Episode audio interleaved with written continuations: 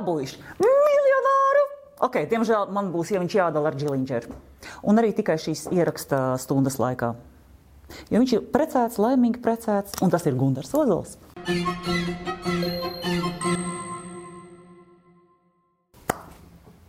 Paldies, ka Labdien. atnāci. Es zinu, ka tu Labdien, daudz kārt esi atteicies no intervijām, kā viņš tev pielauza. Ja? Bet vispār uzņēmējs. Tā būtu Nu, precīzāk. uzņēmējs, viesnīcnieks, IT biznesa īpašnieks. Un man liekas, ar to viesnīcu ir tas pats, kas mums ar G-spot. Tipa tāda, uh, tāds krēms uz kūkas, ko visi redz, bet, uh, bet peļņa notiek citur. Nu, katrā ziņā mums jau nu noteikti. Ir tā. Nu, ja jūs um, ar G-spotu, mm, ja tas jums ir tāda aizraujoša nodarbošanās, kur Jā. jūs, kur jūs kaut kādā veidā emocionāli realizējat sevi, tad jā, Jā, tad jā, tas jā, varētu jā, būt līdzīgi. jā, vai ne? Mhm.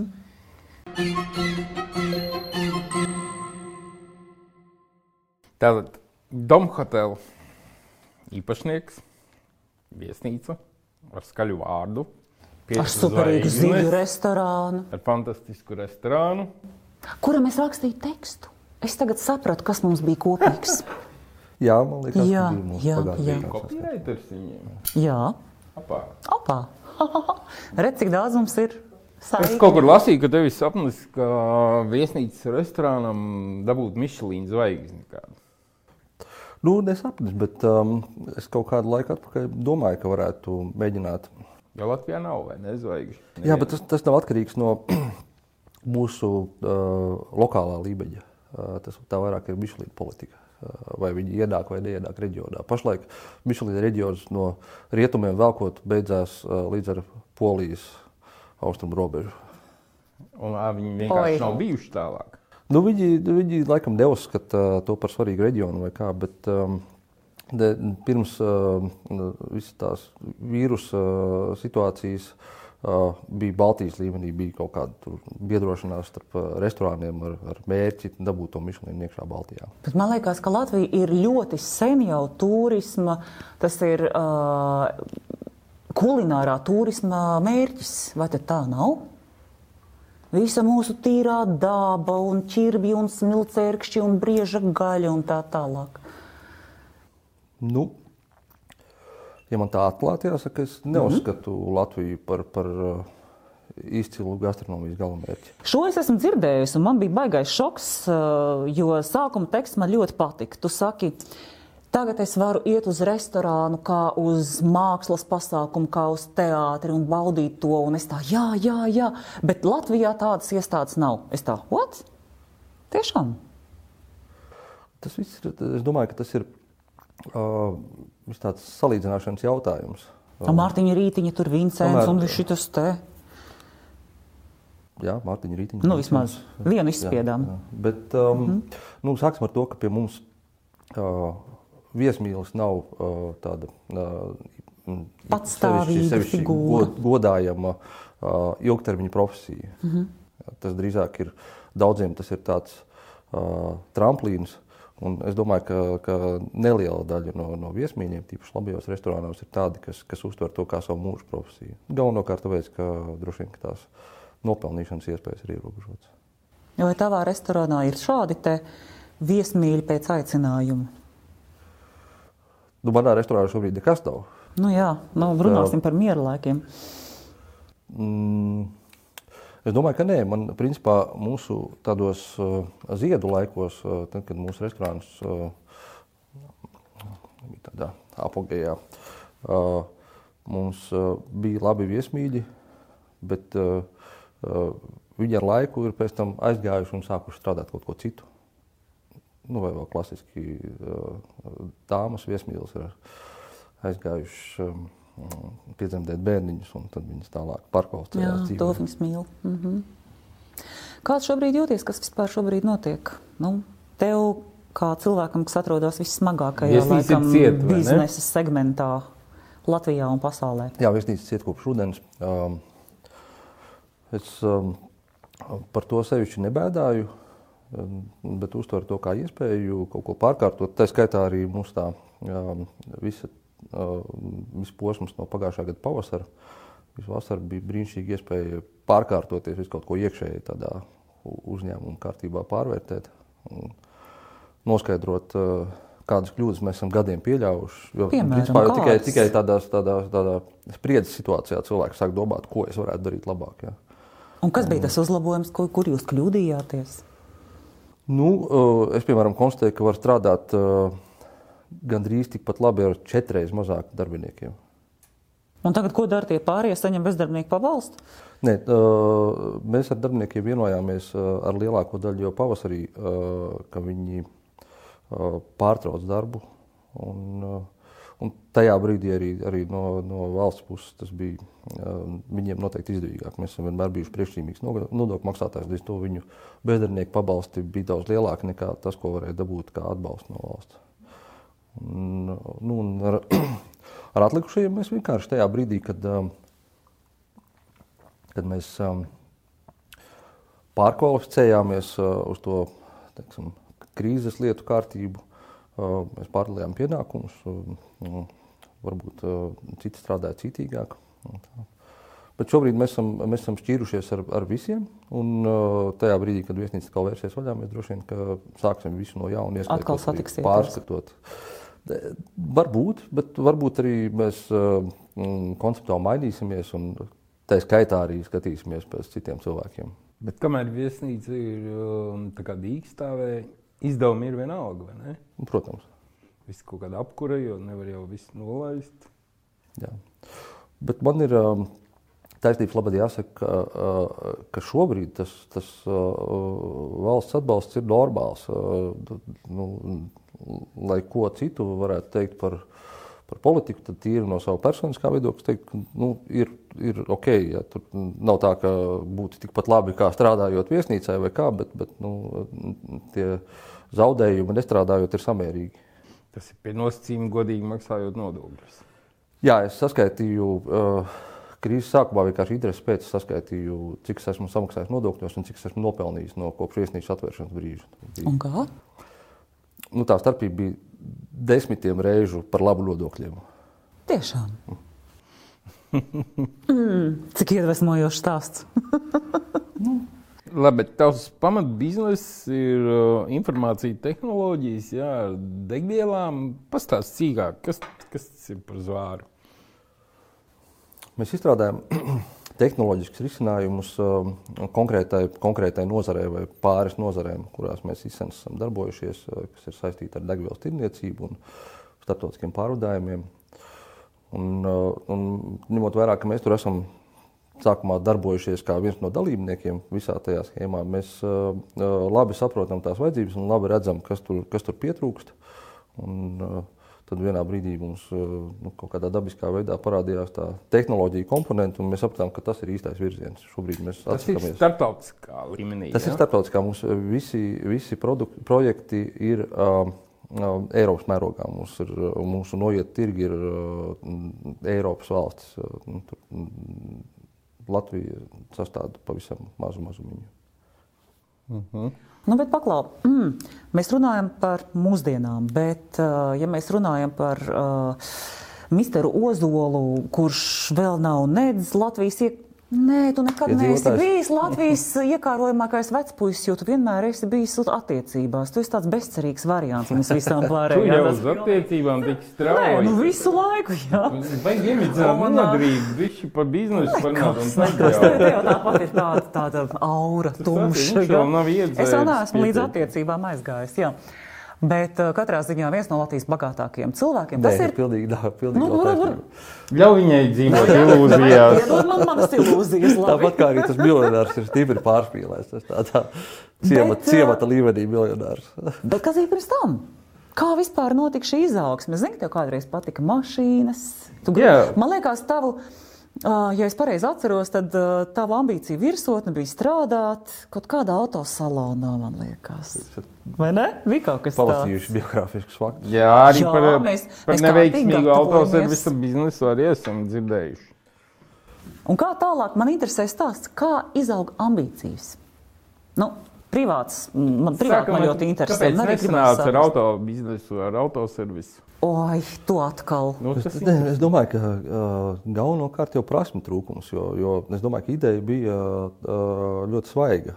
Jo ir Nu, ok, mašīnas lūst, tāpat kā maize vajag bet tas, tas, tas, zeķu nebija, tas nebija autoservis. Tā bija, ā, tā bija, tā bija automazgātava, ā, kas ir tagad, vēl joprojām ir tāda daudzstāvu garāža otrā pusē Stokmanam. Um, Jā. Un mēs tur uztaisījām iekšā automazgātavu, un tā kā mēs toreiz nodarbojamies ar, ar, ar smērvielām, arī eļļas maiņu mašīnām, tāda ātrā eļļas maiņa. Un ideja bija tāda, mēs tur sarunājām kaut kādu mārketinga sadarbību, ka, piemēram, tu ej um, uz um, Stokmanu iepirkties vai kā, tad tev tur stāv mazgā brīvu, un tev nomazgā mašīnu vēl. Tā kā alfā es parasti izmantoju. Jā, nu, nu, uh, respektīvi, desmit gadus vēlāk tā ir kļuvusi par tādu normalitāti. Toreiz tas bijāt bija- arī pirmie šitajā lauciņā. Nu, mēs to izdarījām kaut kādā, nezinu, tur 90. gadu beigās, 2000. sāk- 2000. sākumā. Es domāju, ka problēma bija pašā tajā uh, autostāvvietā, jo tur tomēr pārsvarā bija tirgus kontingents. un Mums, uh, nu, mūsu pastāvīgie klienti bija tur tādi uh, kaukās vīriņi, kas, ka, kuriem bija uh, uh, tirniecības okay. vietas tirgu. Uh, Un, un, savukārt tie cilvēki, es domāju, ka vēl joprojām uh, es pieņemu, ka uz to tirniecības centru maz kas atstāja mašīnu uh, šajā stāvvietā. Toreiz bija vēl tā, vēl neviennozīmīgāk, viss tā iešana uh, cauri tam tūnelim, tā, mm -hmm. tā, tā, tā paburzīt. Kaut kā zvīriņi tas tik aizraujoši. un neaizgāja tā kā galīgi. Nu, tas, uh, tā, ka mēs kaut ko nopelnītu, nē.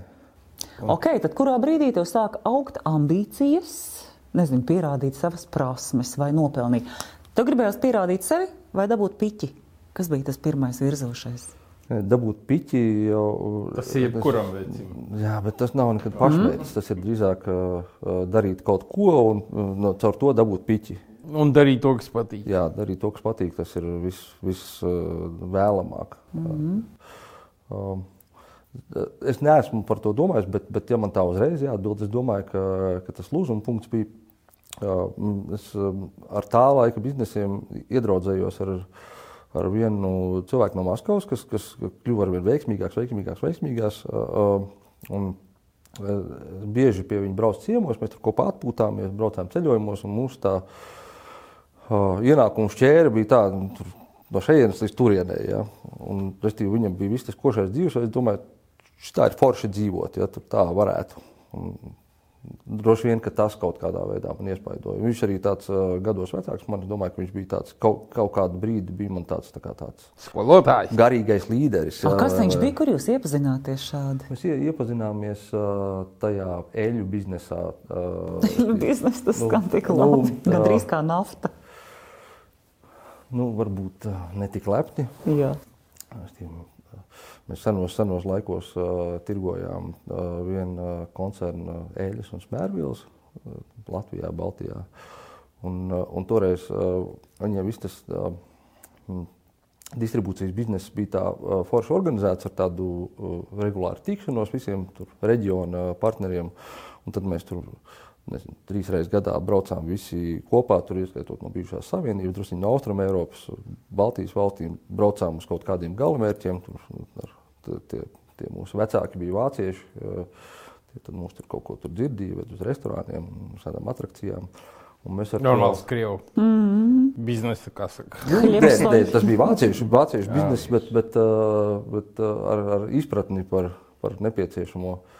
Bet, nē, bet tādā dzirdīgi, tādā inteliģentā veidā. Uh, Un, Bez medībām un somu pirtī. Nē, nē, nē, tā drīzāk tāds uz tādiem labiem restorāniem, un tad uz kaut kādām, nezinu, tur Oktoberfest vai kaut ko tādu.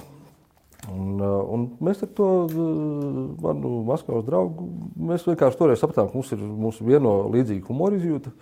Mēs tur tajās semināru sadaļā, mēs tur vienmēr sēdējām, kaut ko hihinājām, un tā kā skolā apmainījāmies ar zīmītēm, smieklīgām un kaut ko tādu. Un tad, un tā mēs iedraudzējāmies. Tev ir melnā humora izjūta arī? Kāda tā ir? Melnā. Nu, pretēji krāsa nekā baltā. Jokot par nejaukām lietām, tu domā, ka Labi, Jokot bet, ironiski. Ir bet- tā. es mēģinu viņus atradināties. Jo pārsvarā ar maniem, ar maniem jokiem ir tāda problēma, ka, ka mēdz būt tā, ka tā pa īstam smieklīgi viņi liekas man. Jā, jā, Pārējie jā. apvainojās. Nu, tie ir tad- tie, jā, jā. par ko es arī jautāju. Jā, nu, tad- tad Daudz ir, jā. cilvēku, starp citu, no 90. gadiem tevi neieredz. jo. Pagaidies, tagad nevajag vot šito, lai viņš pats visu pasaka. Es nezinu, es domāju, ka nē. Es, es, es nezinu, Tomēr viņš karoja. droši, droši vien ir kāds, ir kāds uh, cilvēks, kas man ir apvainojies, bet, bet uh, pārsvarā es mēģinu saglabāt, ja ne, ja ne pozitīvas, tad normālas attiecības arī ar tiem, ar ko šķirās ceļi. Jā, tāds ir iespējas par tevi šobrīd, vai tu vienmēr tāds esi bijis? Jā. Bet kā tev nekad nebija sakars ar informācijas tehnoloģijām? Vispār Kā nē. tu vari ielīst šitādā Man arī, jā. un vēl tur gandrīz vai pirmais kaut kādu lietu izdomāt? Man arī ar, ar, ar uh, viesnīcu biznesu vispār nekāds sakars. Nu, labi, to vēl plus mīnus pat jau varētu maybe kaut ko Nē, nē, nē, es un Pie- biznesa. pie zinām. Nē, finansējumu rosīties. Ja? pie bezgalīga finansējuma. Bet tad es nu, varu, jā. ielīst pilnīgi tādā sfērā, kā informācija tehnoloģijas, bez kaut kādas baigās bagāžas. Man drīzāk ir, uh, varbūt kaut kādos brīžos man izdodas būt vizionāram, un uh, es uh, iedomājos, kā vajadzētu vai kā varētu būt, un tālāk, uh, tālāk uh, tos uh, cilvēkus, kas māk, tos jau pēc tam var pieaicināt komandā. kopā. Kā Nu, ja tas jau arī- nenozīmē, ka arī viņam manā, pašam tas kā ir arī manā gadījumā notika, bet, bet nu, tas ceļš uz, uz, uh, uz, uz IT tehnoloģiju pratēju, nu, nevis tā, ka es kaut ko saprastu pats uh, programmēšanā, bet, bet respektīvi uz, uz tādu izpratni, kā to darīt. Viņš bija tāds ar, ar normālu izmaksu, jo man tur bija sākumā tādi eksperimenti, uh, vairāk gadu garumā, kur, kur pēc tam viss tas, kas bija uztaisīts, bija par, par lielām summām, bija vienkārši jāizmet miskastē un jātaisa jaunas. Nu, tāds normāls startups. It kā skatoties Tas tas mūsu vairāk ir naudu, un tad, tu viņam Jā. vienkārši saka, diemžēl Jā, Bet tagad sorry. tā bija. Tas ir nu, Nē, tas, nu, nav, tas ir fakaps, bet es runāju par startupu. ar eļļām paliekot uz nulēm. Kur tad tu dabūji ko ieguldīties? Ņēmi kredītus. tā Kā, un Nē, nē, es kaut kā visu laiku uz tādu. Uh, Uz tādām nākotnes opcijām vienmēr esmu visu būvējis. Tā, ka, nu, Nu, tas, piemēram. nu, Tas tā, ir intuitīvais bizness. tā saslauki visus graudiņus pa stūrīšiem un tad viņus uh, uh, saliec krāstī un domā, nu, šito maizītes pārdošanu, tad es varēšu nopirkt vēl maisiņu ar graudiem. Tā. A, Tev ir laba intuīcija. Nu, tādas lietas jau par sevi parasti nesaka. Es Nē, domāju, ja man tāds- būtu tā- laba intuīcija, tad droši vien es tiešām būtu miljonārs un, un, un, un, un kāds teica, viens no Latvijas bagātākajiem. vai kā. Jā, varbūt. Lopīt man forši ilūzija. Taču pribidņāts nopietni. Nu, labi, nu, un, un, un tad pēkšņi tu izdomā tādu ideju, kā to degvielu tur viņiem kontrolēt, tām lielajām Nē, firmām. nu kā, mēs, mēs, mēs izdomājam pašu sevi. Mēs, mēs tajā. Uh, Tas, tas reāli ir garlaicīgi. Vispār. Nē, tas nav, Uh, tas ir interesanti. nu, Kādu izdomā kaut Nu, mēs, nu, mēs darbojamies ar degvielas kartēm. Uh, bijām uh, vienam krievu koncernam tāds kā uh, rietumu uh, aktivitāšu posms, uh, neatkarīgs. Tas arī pateicoties tam. Nu, sākotnēji, bet viņš pēc tam tur no turienes pilnīgi aizrotēja, un tad tur pa- palika pilnīgi tādas neatkarīgas attiecības. Tur mums vienkārši bija jāpierāda. Un, um, mēs tur ar to nodarbojamies. nodarbojamies man liekas, ka nu, rest, kur visu kaut ko nevar izdarīt, kas varētu būt labāk. Ja, tur, nu, nezinu, tur, tur nevar tur tik labi kontrolēt šoferus, un, un, un mēs kā pārdevēji mums tur arī nav visādas iespējas, un varētu vēl šitā darīt. Un, Un tad es kaut ko sāku skatīties, kam tad ir tāda risinājuma, un nekam nav. Ja? Un tad, nu, tad es domāju, ka jātaisa ir pašiem tāds kaut kāds rīks, un mēs viņu sākām taisīt, tur kādu mācējām. Un, un tad, eh, tad sanāca tā, ka tas eh, koncerns, ar ko mēs tur strādājām, tur, tur, viņus apēta vēl viens daudz lielāks, un tur, tā, tur sākās tādas politiskās lietas viņiem. Uh, viņi pateica, tur trīs mēnešu laikā viss, viss beidzās. Ja, tur, tā, tev vienkārši bija tāds biznesa, tu esi pieredzējis, ka tev tur kaut kāda nauda ienāk, un tu tā plānojis, ka, ka pēc tam mēs vēl tur kaut ko pieaugsim un darīsim vēl to, un tad tev vienkārši viss tur. Un tad, un tad mēs uz trīs mēnešos vienkārši visu, kas mums bija, mēģinājām uz to savu negatavo uh, rīku pārlikt. Uh, Un, uh, tad mēs pārlikām uz rīku, un tad mums, mēs bijām spiesti viņu attīstīt un uzlabot. Un, um, tajā brīdī, kad mēs teiksim, viņu bijām vēl attīstījuši, tad sāk, sāk izskatīties, ka tas varētu iespējams kādam interesēt arī vienkārši kā, kā tehnoloģiski risinājums. Tāds viss vis tāds uh, dabisks evolūcijas Bet process. tas tādu baigu adrenalīnu vai nu alinu. Nu, nu, nē, ne Olin, bet uh, adrenalīns jau, nu, ja tu ilgtermiņā nodarbojies biznesu, viņš jau tur šad un tad parādās. Bet runājot par to vizionārismu, es saprotu, tā ir tāda lieta, kas jau īstenībā nepāriet, vai ne ar gadījumu. Pagaid, cik tev gadu? 47. Vīriešiem var normāli prasīt. Jā, nu Nevis jā, nu, čukstot. nu ok. Viņš Ādām. atbildēja skaļi. Ādām. Nē, man liekas, ka mēs esam vienādi, tāpēc es pajautāju. Nu, gandrīz brīdī- arī esam. Tad, jautājums, tas vizionārisms. Es ceru, ka viņš joprojām tev ir. Pastāsti, kā tu vispār redzi, nu nezinu, kāda, nu tās, vismaz tās sfēras, kurās tu jūties profesionāls, labi, IT un viesnīca. Mm, vai tu redzi kaut kādu vīziju par to, kur tas attīstīsies? Vai, piemēram, tu varēji ieraudzīt, ka izveidosies Airbnb, kas vispār mainīja viesnīcas biznesu, teiksim, spēli? taksometru kompānija, kurai nepieder neviena mašīna, viesnīcu biznesa, kurai nepieder neviena viesnīca. Kas vēl mums nepiederēs nākotnē, kā tev šķiet? Es nezinu. Es, es, es, nu, tas, uh, Teātris bija saistīts- pastāvēs. Teātris ir mūžīgs. Tu uzdevi četrus jautājumus tādā vienā teikumā. Nu, tev es noteikti sadalītu vislielākā šriftā, bet šis ir sakarīgs cilvēks. tas ir, tas ir nu, tā kā domāts, ka tu neesi sakarīgs cilvēks. Es zinu. To viņš saprata. Par vispār ir jāpadomā. Viņa man visu laiku čakarē. Es No tev tāda tādu dzirdu. partneri neieteiktu. Viņam arī Nu, nevajag. es- Bet tomēr, tomēr jūs te sēžat. Es gribu sev pierādīt, ka es arī ar šādu partneri varu tikt galā. Jā, viņš nāk kā uz katorgu katru reizi. Respektīvi, um, tas ir tāds tā kā sevis izaicināšana. Nu, jā, nu, jā, nu, tu, tā kā tev liekas, nu, nav partneris, ar kur tu netiktu galā. Nu. Jā, Tu un tad parādās nu, izaicinājums, jā. galā un nākal tiki. Man, ši- man šitā, šitā patīk. Šitā tiek, tas ir labi. Tev arī tā gadās. Nu, vienā veidā. Ar tiem, ar tiem, ar tiem, ne, ne tikai par partneriem, lai gan arī. Atgriežamies pie tā Pie tās- ļoti pie tās- sarežģītā pie tās- jautājuma. Jā, Nē, jā. Kuru nu, ja, tu gribi, ja tu saprata? gribi tādu uh, manu redzējumu, tad um, uh, noteikti, uh, vismaz virspusē skatoties, uh, visi iet uz to, ka, ka mums ar vien mazāk piederēs, un mēs tur visi kaut kā dalīsim, un, mm -hmm. un, un visam pamatā, ja mēs tā tehnoloģiski runājam, būs tādas platformas. Ja, mm -hmm. Nu, piemēram, par to pašu kāršēringu, kas, kas druskuļi attīstās arī pie mums, ja, un citur viņš bija tur vienā brīdī uzkrājis debesīs. Uh, tur tam visam pamatā ir uh, aprēķins, ka es vairs neatceros precīzi, bet nu, mums ir mūsu privāti automobīļi, un mēs ar viņiem braucam. Piemēram, tur 12% no kopējā laika. Respektīvi, 88% tā, tā mašīna stāv. Ja. Un tad ir tāda, no tāda līdzekļu apsaimniekošanas viedokļa, kāpēc gan viņi tik daudz stāvētu. Bet no otras puses, domāju, ka ir cilvēku nu, tādas uh, subjektīvās vajadzības, ka viņiem uh, nu, tādas subjektīvās emocionālās vajadzības, ka nu, es negribu kaut ko, ko kāds cits lieto. Ja, tur, uh, Man liekas, Latvijā tas ir ļoti izteikts. Jo, teiksim, šo kāršēringu es redzēju mm, 15 gadus atpakaļ Amsterdamā. Man liekas, nopietni.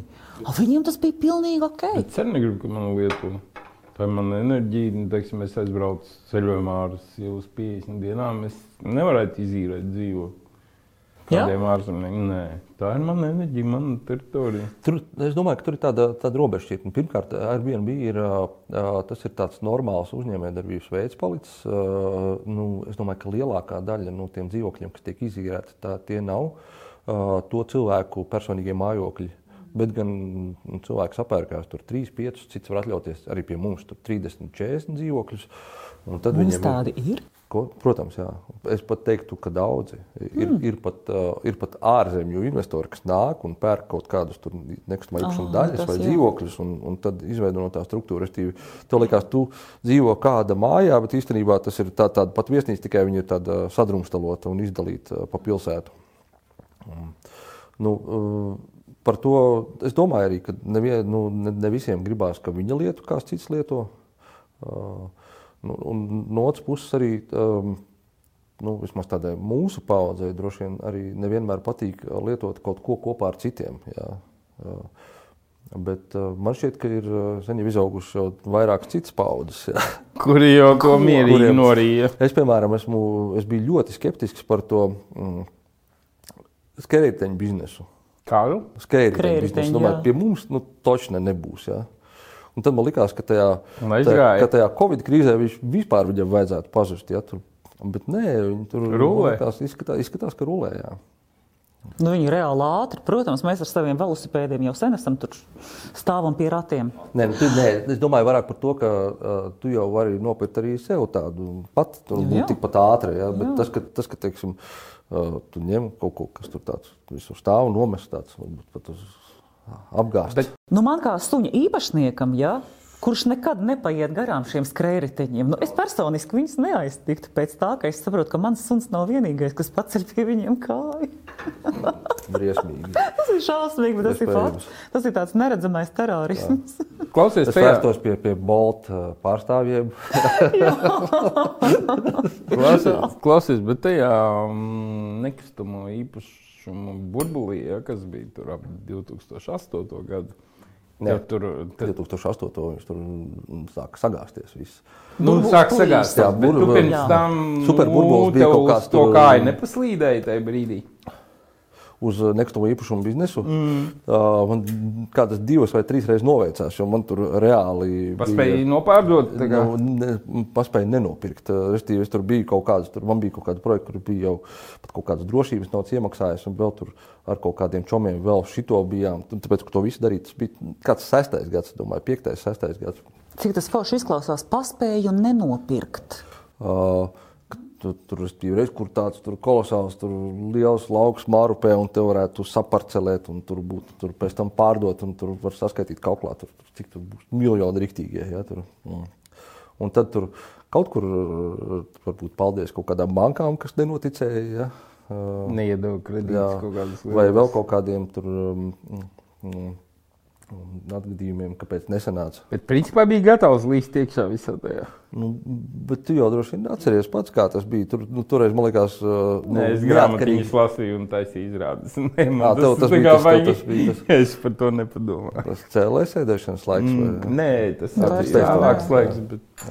Ne, bet, uh, es domāju, tā skaitā arī teātris režisori un visi, nu, principā, visu profesiju cilvēki. Viss metās iekšā. Mēģināja tur iesaistīties. Bet tev tas tā kā veiksmīgi pa- Man veiksmīgi gāja. izgāja. Ja? jā. Bet varēja būt baigies sūdi. Ja, ja iedotu un paņemtu, un... Jā, ne, kāds, kāds baigies ūdeni. Nu, tik daudziem cilvēkiem tie baigies ūdeni notika, ka nekas jau ar viņiem nenotika. Pārsvarā, es domāju, ka to visu norīja bankas. Nu, tur tie cilvēki zaudēja to, kas viņiem uz to brīdi bija. Un, un visvairāk tie sūdi notika tiem, kas um, bija paspējuši um, pāriet uh, otrajā līmenī. Ja, tur, restīvi, tur Jau- pirmais jau sanāca, ir vairāk, nopelnīja jā. baigi forši. Jā, un Nopirku vēl? Jā, tagad šitā nopirku. Jā, tur, uh, un tad tajā, tad vienā brīdī nevar jā, viņi pārdot. par pazaudēja visu to, ko viņi tur sapelnījuši. jā. Jā, tur. Bet paklausies, runājot par šīm te pašām nu, mājiņām, ja, nekustamais īpašums. Man liekas, ka, uh, es nezinu par visu Latviju, bet runājot par Rīgu, mums ir neticami daudz viesnīcu. Jā. Nu, kur paskaties, tur atkal ceļ, ko atkal viesnīca? Nopietni, mums ir tik daudz turistu. Kā, kāpēc tas notiek? To gan es nezinu. Es nu, naudas es, man ir, man ir pieņēmums, vai- vai- kāpēc tā notiek. kas? To, to Droši- es esmu dzirdējis, ka tu teici, ka Rīgā vairāk nevajag viesnīcu. Nevajag, ne, noteikti, Vajag. noteikti, vārdi, jā. ka vairāk bet, nevajag, bet arī šobrīd, arī šobrīd, arī šajos grūtajos laikos ir uh, nu, Joprojām procesā ceļ? vairāki nu, intensīvi uh, viesnīcu projekti. Kaimiņos viest liels tur pretī Nu, nacionālajiem. labi, bet Nu, ne tad- tad tajā segmentā, tavā ekskluzīvajā. Nu, pilnīgi visos segmentos. Jā, bet uz ko viņi cer? Vai viņi ir Es aprēķinājuši domāju, ka viņiem ir Viņi droši, nu, es godīgi runājot, nezinu daudz vēl nu, tādas redzamās viesnīcas, vai, vai no, sauksim viņas par centra viesnīcām, vienkāršot, kurām īpašnieki ir Latvijas pilsoņi. Pārsvarā, kas? pārsvarā viss tas bizness ir citu valstu cilvēku nauda. Un iespējams, ka viņiem pietiek ar to, ka viņi ir ā, uzbūvējuši, saremontējuši, un, un nu, tā nauda ir Tas Kā īpašums stāv. Ja? Kā tu teici, nauda nopirkot? Nav nopirkta. jā. Nopirkot. A, Klausies, nu, labi, un nu, kurā brīdī tev vienādas prātā pēkšņi ve- vecrīgā pirkt nekustamo īpašumu? Nu, tas tā vienkārši gadījās. Nu, tas, nauda re- nu, sanāca? tas, tas ne, nu, nelieka paņem Tas ir- tas ir de- deviņ- deviņ- 90. gadu uh, beigas, tur, nu, otrā puse. Uh, Vecrīga nevienam nešķita pievilcīgs rajons. Uh, tā māja bija Tiešām. pilna. Nē, vispār.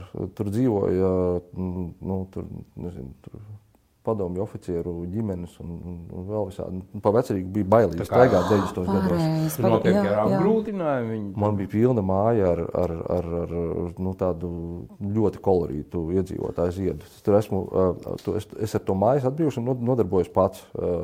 Tas bija man tāds, domāju, labākais mācību projekts. Kaut kādus trīs gadus vismaz. Uh, Un man tur bija, es ar pilnīgi visām policijas struktūrām iepazinies. Tāpēc tu no, nopērci īpašumu un tu nedabūji ārā cilvēkus. Nu, tāpēc, ka uh, mūsu likumdošana ir viennozīmīgi tādā, tādā absolūtā izteiksmē, īrnieku pusē. Ja? Respektīvi, tas, ka tev tā māja ir vienalga, viņa tev ir bijusi, tu viņu nopirki.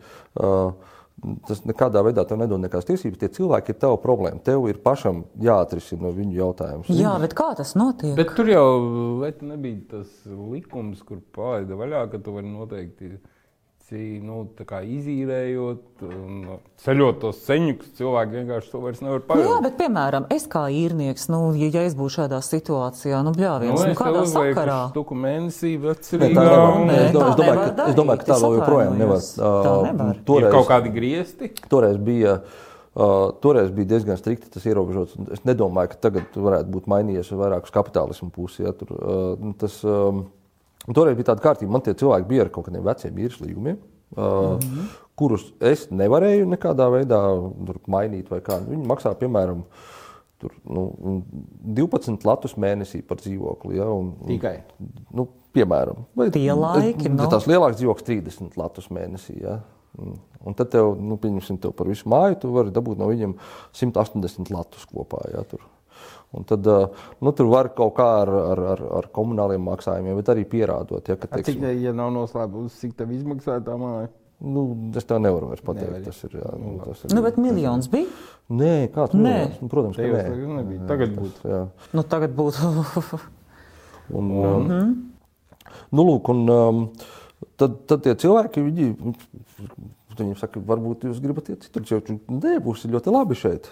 Nav, au- nav augsta īres maksa. jā. Bet ko nozīmē, varbūt citur tu viņiem tā kā pēc kaut kur ir- tev ir vienkārši tev viņiem ir jāatrisina. Tas tu vienkārši tu ej, nu, piemēram, jānopērk tu dzīvo viņam- šajā dzīvoklī, un, un pie tevis atnāk cilvēks, saka, nu, man vajadzētu to tavu dzīvokli. Tu- Nu, okay. Tā ir mana māja. Ko tu man piedāvā? Es te dzīvoju jau kopš 72. gada. Uh -huh. uh, man ir kur ir īres līgums, kas, kurš turpināsies vēl desmit gadus. Uh, Ko tu man vari piedāvāt? Te ir mani Varbūt tu kaimiņi, gribi īrēt citā vietā, es tev varētu tur, kur atrast. Nu, Tur pa 12 Latviju. Nu, Nē, kā tur maksā, tur 150 latus. Nē, priekš kā.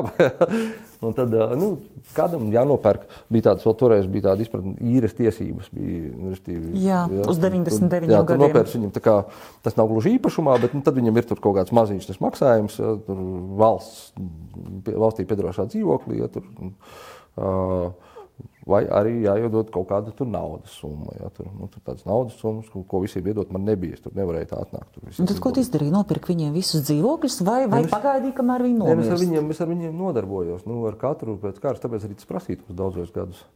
Bet nu, jums uh, jāņem vērā, ka mēs runājam par gandrīz 30 gadus veciem notikumiem. Jā, Tur, jā. nu, ne- Trīs ne, gadi pagāja, 20. kamēr tu kā no viņiem vaļā. 25. Uh, vairāk, es domāju. Pat vairāk. Jā, jā, Tāpēc tev ir īpašums, kurā nevar neko pasākt. jā.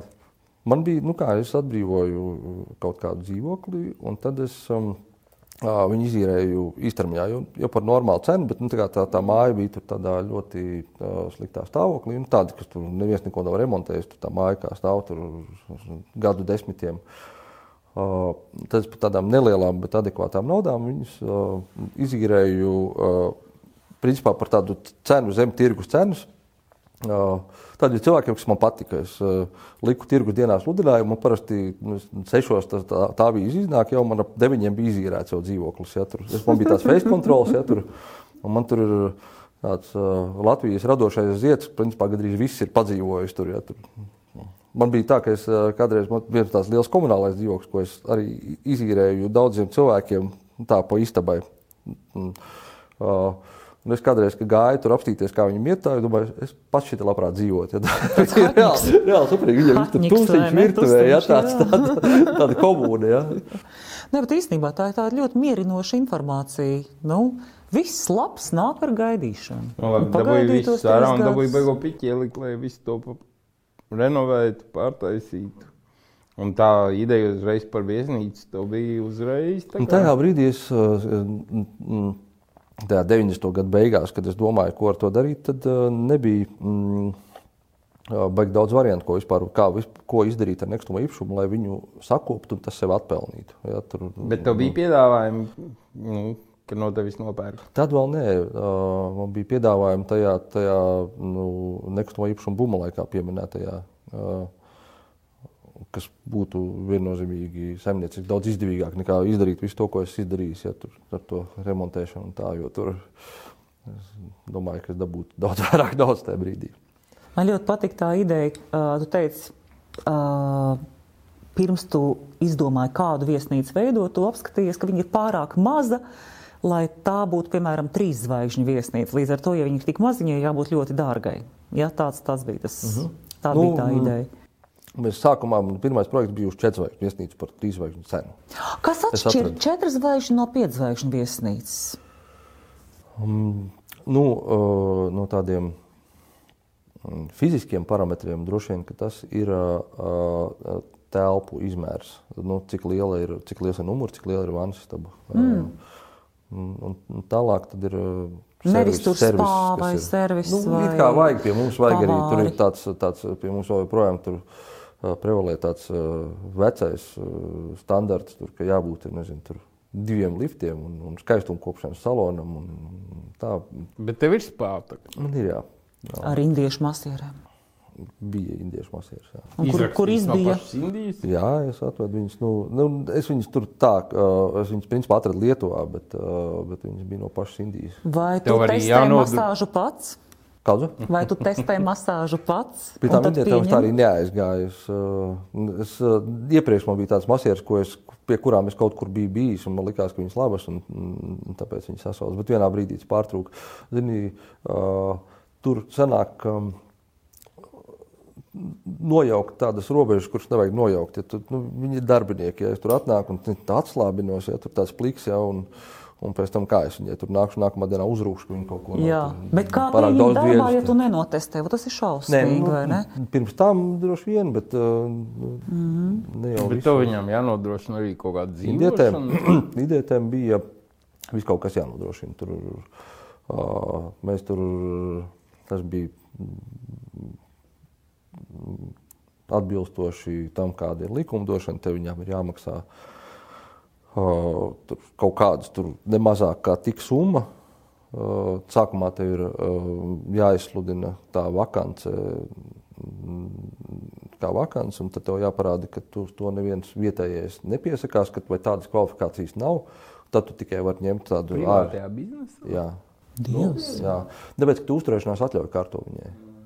Un, un tad tev ir jānodrošina dzīves vieta, un, un, un principā tas diezgan dārgi. Ir. Kur tad viņas tev dzīvoja? Es neatceros. Nu, kaut kādu mēs viņam nojām kā kaut kur. Nē, nu kā, viņš Tur, jau- kur tu pats kādreiz dzīvoji. Viņš jau kā princis. bija? Kā, jā. Dzīvojamā skaču, kā tu stā, tur kaut kur arī stāstīji stāstus, cik tev tur, ja dienu izdzīvoja pa mutu, nedabūja, bija ok. Nu, pārspīlēti, bet, bet nu, Maskačka bija tāds uh, rajons ar odziņu. Kurā pusē tu tur tieši dzīvoja? Tur aiz sarkanā kvadrāta. Jā, tajā galā. Mhm, Tur tālāk. Tālu. Klausies, tu kā nevis viesnīcas īpašnieks, bet kā viesnīcas klients, kur tev pašam vislabāk patīk apstāties, atpūsties, aizbraukt? Tu domā, uh, geogrāfiski? Mm -hmm. Nu, diezgan atkarīgs no tā plānotā atpūtas formāta. Man, patīk tādas pilsētas uh, weekendu atpūta. Uh, patīk, Tas ir uh, kaut kā piekdienas, sestdienas, svētdienas. Nu, jā, nu, vai ceturtdiena, pirmdiena vai, vai, vai piekdiena, svētdiena, kā, kā, var, kā sanāk. Es zinu, ka Berlīna ir viena no tām vietām, kas tev patīk. Berlīna ir forša, jā. Amsterdama ir forša. Uh, agrāk uh, sanāca mm, biežāk aizbraukt uz Barcelonu, bet Barcelona man liekas, kaut kā ir apnikusi. Tagad man mm, sāk atkal likties, ka Parīze ir forša. Kas tev patīk Berlīnē? Berlīna ir tik šausmīgi dīvaina vieta. Nu, labi, var uz turieni braukt, ja tu zini konkrēti uz šo, piemēram, nezinu, fetišu klubu, jā, bet viņi ir tik netīra un jocīga un cilvēki. Nav es nezinu, netīra, bet Neestētiski. lielajām kaut kādām celtnēm. Tu nejūties tur maigi. Ja Barcelonā tu visur jūties tā baigi maigi. Un cilvēki ir kaut kādi tik ļoti pieņemoši. Tu zini, ka paliek nelabi. Nopietni, man ir tāda sajūta. Viņi tādi visu pieņemam. Jā? Nē, es, um, varbūt jums ir vienkārši nepareizā kompānija bijusi. Berlīna ir ļoti interesanta pilsēta. Un, Tas bija un, un arī, arī, arī uh, nē, nu, varbūt ka tad, mm, mm, um, kā tas ir, hosts. Mm, kāds, kas uzņem jūs, Gids? vai kas jums Ā. parāda. Uh, Jā, Namatēvs. namatēvs. Mhm. Uh, Berlīna ir arī, arī estētiski skaista uh, atsevišķa rajona. Protams, tu jau kurā pilsētā var aizstaigāties tur, kur nav smuki. Nu, jā, Uh, bet tas nebeidzamās grafiti visur, man liekas. kur tad viņš nav? Lielajās pilsētās. Rīgā. Es uh, biju uh, darba darīšanās, uh, sanācis braukt pa Parīzes perifēriju. Mhm. Mm -hmm. Skaties. Melno šitā ir tā, šitā ir tā uh, Latvijas cilvēku sapņu pilsēta Parīzē, ja, tur romantiskā, tur ar, ar, ar Džoda Sēna, ja, tur dziesmu par Elizējas laukiem. Tā kā briesmīgi vienkārši, nu, arī, arī viss tā arhitektūras estētika, tur tas, ka tās tie rajoni, kas ir tapuši 70. gados, tādi, tādi vienkārši tādi betona kluči, tādi, tādi džungļi, tādi bez nekā, jā, tur- tādi viņi ir arī palikuši. Tomēr, kur tu labāk atpūties pilsētā vai dabā? Vai piedzīvojumos? Kurortos. Nu, es spriedu par sevi. vai piedzvaigžņu viesnīcā all inclusive? Es, es uh, visur atpūšos. Man, der, man patīk visā veida uh, formāti. Mm. Jā, man, nu, es nevarētu pārslēgties uz tādu tikai dzīvošanu kurortos. Sauļošanos, Uh, grāmatiņām. grāmatiņām sauļošanos. Bet, uh, bet Jā. tajā pašā laikā tas neizslēdz, ka man patīk kādreiz pagulēt kurortā. Nu, ja, tā, ja, ja tu esi tādu cēlienu nostrādājis, uh, tad uh, ir forši aizbraukt nedēļu un vienkārši iet tur bārā pēc kokteļa un peldēties jūrā. Bet spriežot pēc tavas figūras, ja tu izvēlies kādu viesnīcu, tu izvēlies tikai tādu, kur ir sporta zāle. Viņš ar boksu nodarbojās, es dzirdēju. Es nezinu, kas Tu joprojām ar boksu Nu, es nezinu, bet principā tas trīs stūris ir ļoti labi redzams. Paldies tev. Jā. Darbojies ar boksu. Es, uh, tagad ir pauze, drusciņi. Tur bija kaut kādas uh, dažas veselības problēmas, kas man, man tagad ir. Boks, es to nezināju. A, tā, kad tu boxē ar, ar boksamājas, tu vizualizē kaut kādu savu, nezinu, riebīgu partneri vai, Jau sievu. Sieva. visiem, visiem bokseriem obligāti uzdot šo jautājumu. Jā, jo nu, viņš, viņš ir dziļš. Tev bija traks brauciens uz Butānu. Superīgs brauciens. Jā, jā, bija tas. Brauc. Tas ir pilnīgi tā, tāda maza valstiņa. Man liekas, mazāk par Latviju. Ne? Jā, uh, teritorija ziņā. Kaut pie Tibetas. Ne? Jā, uh, starp, starp Tibetu, Ķīnu. Uh, teritorijas ziņā uh, man liekas, ka drusku mazāka. Un Indija vēl, tur ir tāda me- milzu kaimiņu viņiem. Un uh, iedzīvotāju skaita ziņā, man liekas, tas ir 700 tūkstoši vai kaut kā, es precīzi neatceros. Bet tāds, nu, ar tādām, tās galvenās pilsētas uh, ir, bija tur, man liekas, starp 100 un 200 tūkstošiem. Jūs tur tā kā īrējāt močus, ielidojām, noīrējām močus. Jā, un braucām tā- cauri. Mums bija. Mm, jā, tas bija. Uh, viens mans draugs to visu bija saorganizējis. Tas bija tas īsais vecpuļu periods. Nē, jā, pagaidi, neatceros. Nē, jā. Nē, jā. Es, ne, es domāju, ka labāk atbildēt. jā, jā, jā, jā. jā, tas bija Jā, tas jā. īsais vecpuļu periods. Uh, Piedod par šito. Man bija Petuškošs. Petuš- Petuškos. Jā, nu, tas Bukovskis, amerikāņu dzinējs, uzdod uh, Jerofejumu, krievu dzinējam. Vienkārši tas uh, krievs saka, daņēt.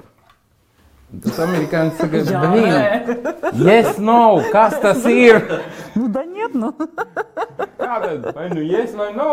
Krieviem ir tas daņiem. Gan, Es, gan. es neesmu um, tā īsti pārbaudījis to, bet man kaut kāds vienreiz kaut kāds cilvēks stāstīja, ka, ka Ungāriem esot tā, ka viņi saka, uh, nē. Nē, palocot galvu, Jā, tipa, ka jā, jā, tas ir šausmīgi. Vai arī, vai arī otrādāk. Jā. Jā, jā, jā. A, Indijā, Indijā viņi saka, jā. Uh, es, es pat iemācījos, viņi, viņi nevis vienkārši groza galvu, bet viņi dara tā. Mm -hmm, jā, šī tā te. Un tev liekas, nu, tu, piemēram, restorānā sēdi un saki, nu, piemēram, es gribētu to un to. Viņš tā, ah, ah, es tā saprotu, es esmu baigais lūzers, es, es, es ne to esmu, ko viņš tāds, tipa nosodoši. Labi, bet Butāna bija Nu, ok. Kas bija ar to butānu? Jā, Butāna bija ļoti interesanta pieredze. Uh, nu, viņiem ir tāds valsts mārketings par to, ka tur dzīvo laimīgāki cilvēki, vai viņiem kaut kāds visaugstākais Tā laimes arī tā indeks. valsts, jā, jā, jā. jā. Bet, uh, mm. Tagad es nesen lasīju, ka, ka Somija kā esot laimīgākie cilvēki. Vai, vai. Kādā Viena no augstākajiem nāves un pašnāvību Jā. statistikā. Jā, un bet, tie, bet Butānā, Butānā tur nu, nav īsti nu, neatbilst patiesībā. Tas vienkārši ir veiksmīgs mārketings, jo viņiem nekā cita nav. Un tad viņi izdomājuši tādu mārketingu. Tur ir Tiešām, Tur, tik primitīvi. Viņi ir budisti. Ja? Jā, viņi ir budisti. Un, uh, tur, piemēram, viena no interesantām lietām ir, ka tur ir nu, nu, piemēram, 70% iedzīvotāji staigā tajos, tajos nacionālajos kostīmos pa ielu vienkārši. Bērni, pieaugušie. Tas ir kas tā, šitie tur- paltraciņi? Jā, nu, tādi, kas pa vienu plecu pāri, Jā. uh, un vīriešiem vēl ir tādas uh, baltas zeķes līdz.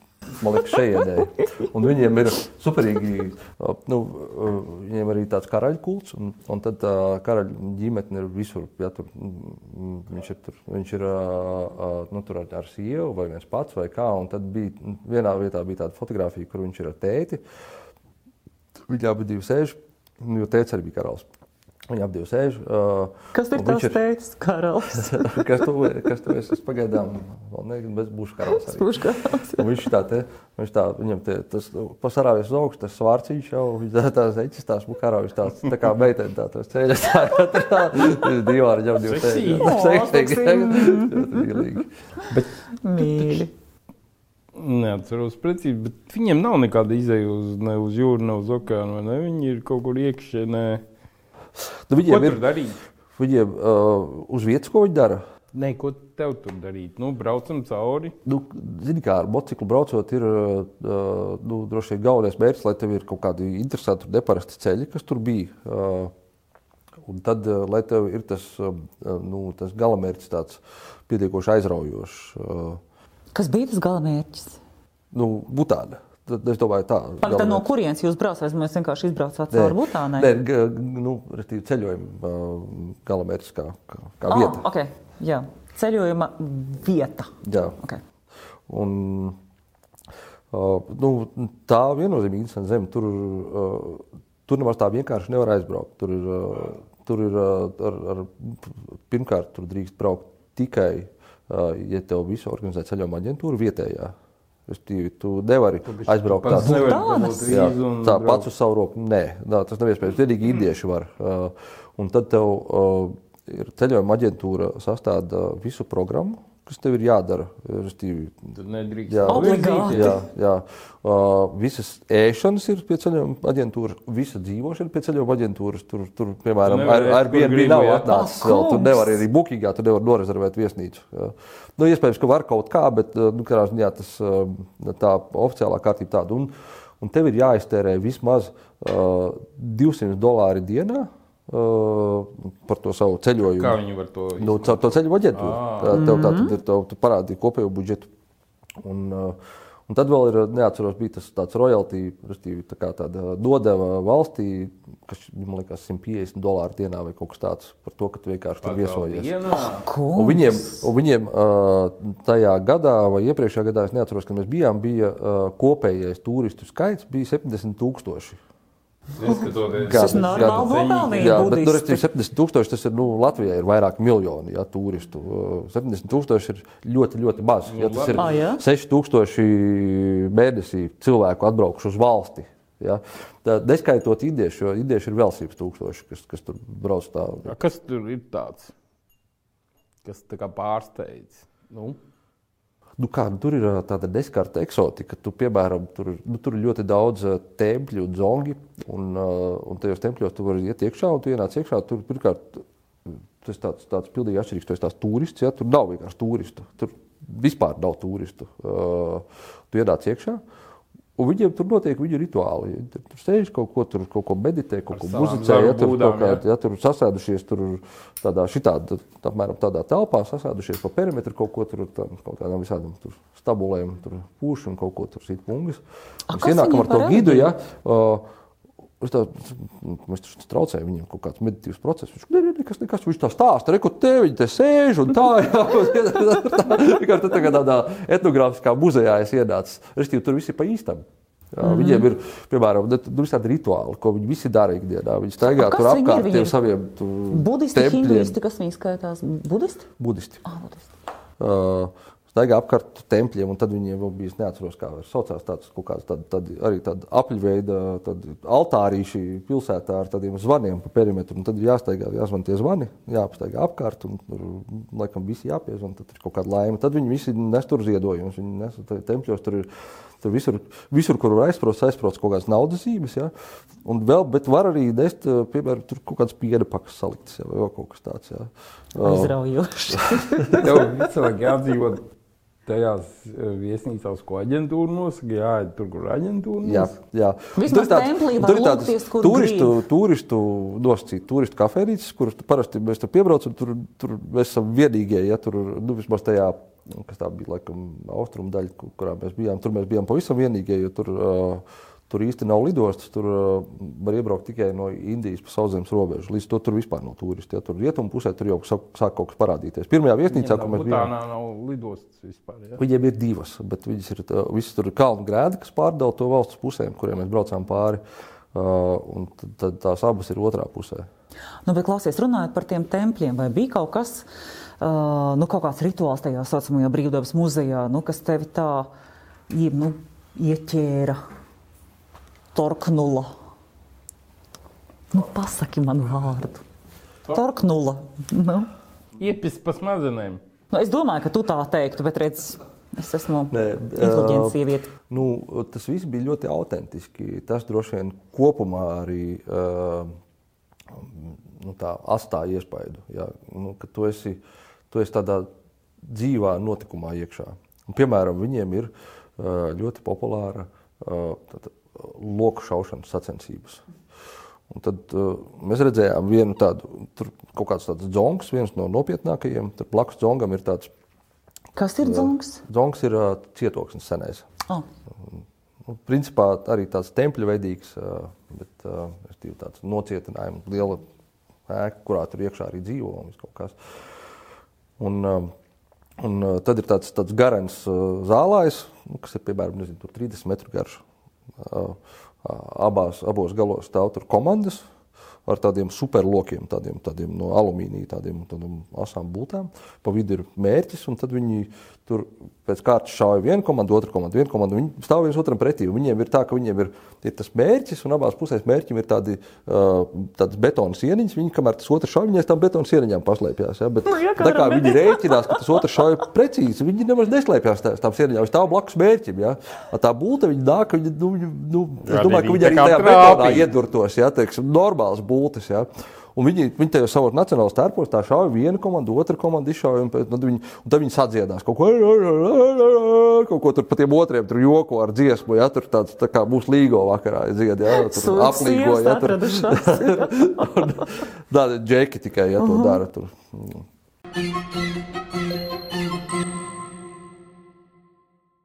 Nu, labi. Jā, jūtīgākām man tēmām. Bija, pagaid, man bija jautājums, tev un starp citu, no viņas ir ļoti ērti aiziet uz jūtīgām tēmām.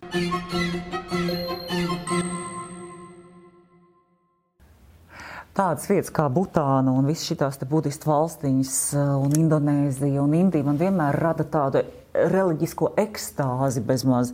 Nu, e, man reliģija nepatīk, man patīk ticība. Jā, es esmu ticīga, bet es nezinu tieši precīzi, kurā reliģijā. Vai tu arī esi ticīgs, vai tu esi reliģijos cilvēks, vai tādas Dievs. vietas tevi aicina? Nē, īpaši nē. Tā, Kāds jautājums? Viņš tā, nē. nē.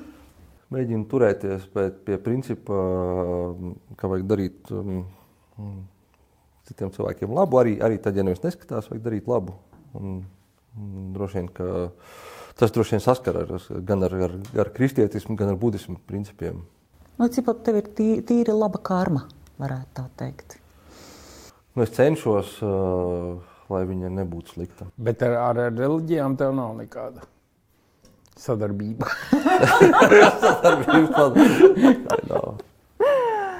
Jā, Tas manās pozīcijās. Jā, hey! Tā jau ir savādāk, ja? Jā viņi kaut kam tur tic. nu, es, es, es, es, Senebreji es, es pasakām. neticu, es jūtu, nē, nē, nē. nē. Tās nav nekādas senebreji. Nu, nē, es- nu, nē, es ir iebīgs. Viņš tev, pagaid, viņš tev neko nav nodarījis, lai kas viņš būtu. Kristietismā, kristietībā. Budismā. Budismā. Tu esi Kāpēc, budismā? kāpēc, kāpēc senebreji pasakām? tad Nu, tāpēc, saki ka viņš nekad nav pajautājis, viņš runā to, kas ienāk prātā. Budismā? Jā. Bet tā, ka tu arī pildi kaut kāds rituāls.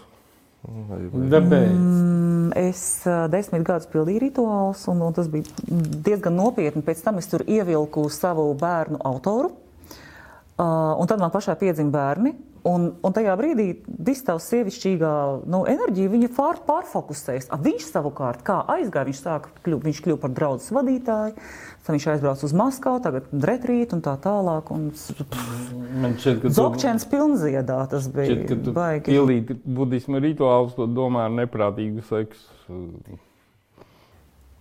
Es viņu, es viņu vienreiz nogalināju. Tur nav kaut Nē, kāds. tas Es, es, es par, šito, par, par, to es ā, brīdos drusku. ā, Man arī, diemžēl, neesmu pārāk izglītots tajās austrumu reliģijās. Ā, Nu, tie, kas aiziet jogas nākamajā pakā- pakāpē, kas ir tie krišnīdi vai ka- kas tāds ir? Nē, tas ir. At... Nē, tas Nu, krā, krāso uz, uz pieres strīpiņu. Tie uh, dziedošie tie Nē, nesmieklīgie jā. dziedošie. Tie, nu, man ir paziņa lokā arī, arī uh, latvieši, kas, kas brauc uz Indiju. Viņi tur ir tajā Holī krāsu festivālā piedalās. Tā, kas tas tāds ir? Tas ir, tas ir uh, Krišnīdi bija cits. Nu, tas-. Hinduisti. Hinduisti. Es domāju, ka tie ir hinduisti. Jā. Budisti arī ir ļoti dažādi. Mums Rīgā ir vairākas budistu teiksim, kopienas, un tad ir tā, kas saucās nu, teiksim, Vaģeras ceļš, kas ir visaugstākā. Principā tu vari darīt jebko. Tu vari izdrāst jebko, tu vari ēst gaļu. Tu vari Redzi, jā- Tas viņai patīk. Nē, jautājums ir, tāds, tā kas notiek ar tavu apziņu tajā laikā. Ja? Un Jā. tas saucās Dzogčens. Un tur arī ir savs community. Un, vārds? Dzogčen tas ir augstākais ceļš. Ah, labi. Mm. Un mūsu skolotājs nesen, nesen pameta šo pasauli, bet tas ir uh, dzīvais Buda. Mm. Namkais Norbūrina Počē, un es zinu, ka daudzi, daudzi šobrīd viņu atpazīst. Ārprāts, ārprāts. Lūk, tā kā tas bija baigi nopietni. Bet tad bērni, darbi, Labi, partneri. bet, bet, bet, bet nu, tu arī nu, tā kā netici, ka pēc tam kaut kas turpinās. Ja? Nē, nu tā, tā drusku es ticu. Nu, tā, Tomēr. kaut kas, kaut kas, kaut kas Žēl, ka biznesa kaut kur paliks. Ja? Augstāk, nē, nē, kaut kas augstāks par mums uh, ir. Es nezinu, vai tas ir ierindojums nu, kaut kādā tādā konkrētā kategorijā. Un, mm. -hmm. un droši vien katram, katram tās, katrai ticībai ir savs stāsts par to un, un, un savas personas vai savu personāžu tajā visā. Bet, uh, biznesa plāni katram. Nu šajā Tā. ziņā islāms ir foršs, jo vismaz viņiem nav nekādas personas. Jo šis te dievs, tēvs ar bārdu. Viņiem ir Es Muhameds, atvainojos. Tas ir pravietis. Nu, Bet labi. Allaham nav seja.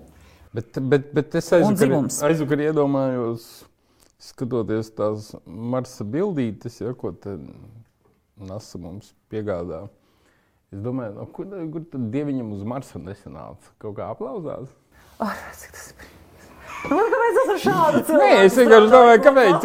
Tur viņam vienkārši bumbulis, un tur viņam nekas nav sanācis. Tā kā, Labi, nav- nu, tās jau ir tikai, ja mēs tā analizējam, tās jau ir tikai dažas planētas, par kurām mēs zinām. Nu, gal Nu, jā, galā nu. ir Vai ne, Varbūt kaut kur viņam vēl kaut kas ir otrā pusē ir vēl kaut kas. Jā. Varbūt mēs neredzam, ka Viņš ir labāk sanācis nekā šī tāda Nu, figūra. Tas, tas īstenībā ir labs jautājums, vai, vai, vai Dievs, nu vienalga, kurā reliģijā viņš, vai viņš attiecās tikai uz mūsu pasauli. Tieši tā. Uh, Uz Katram dievam mūsu planētu. Uz mūsu planētu. Tur ir bijuši neveikli lūzeri dievi, kuriem, blīn, viņam iedots Mars, viņš nihrena nevar tur saveidot. A šitam sanāca. Nē, kā, var jau būt, ka tur vienkārši tur vēl nav pienācis laiks, te jau arī kaut kad viss sākās.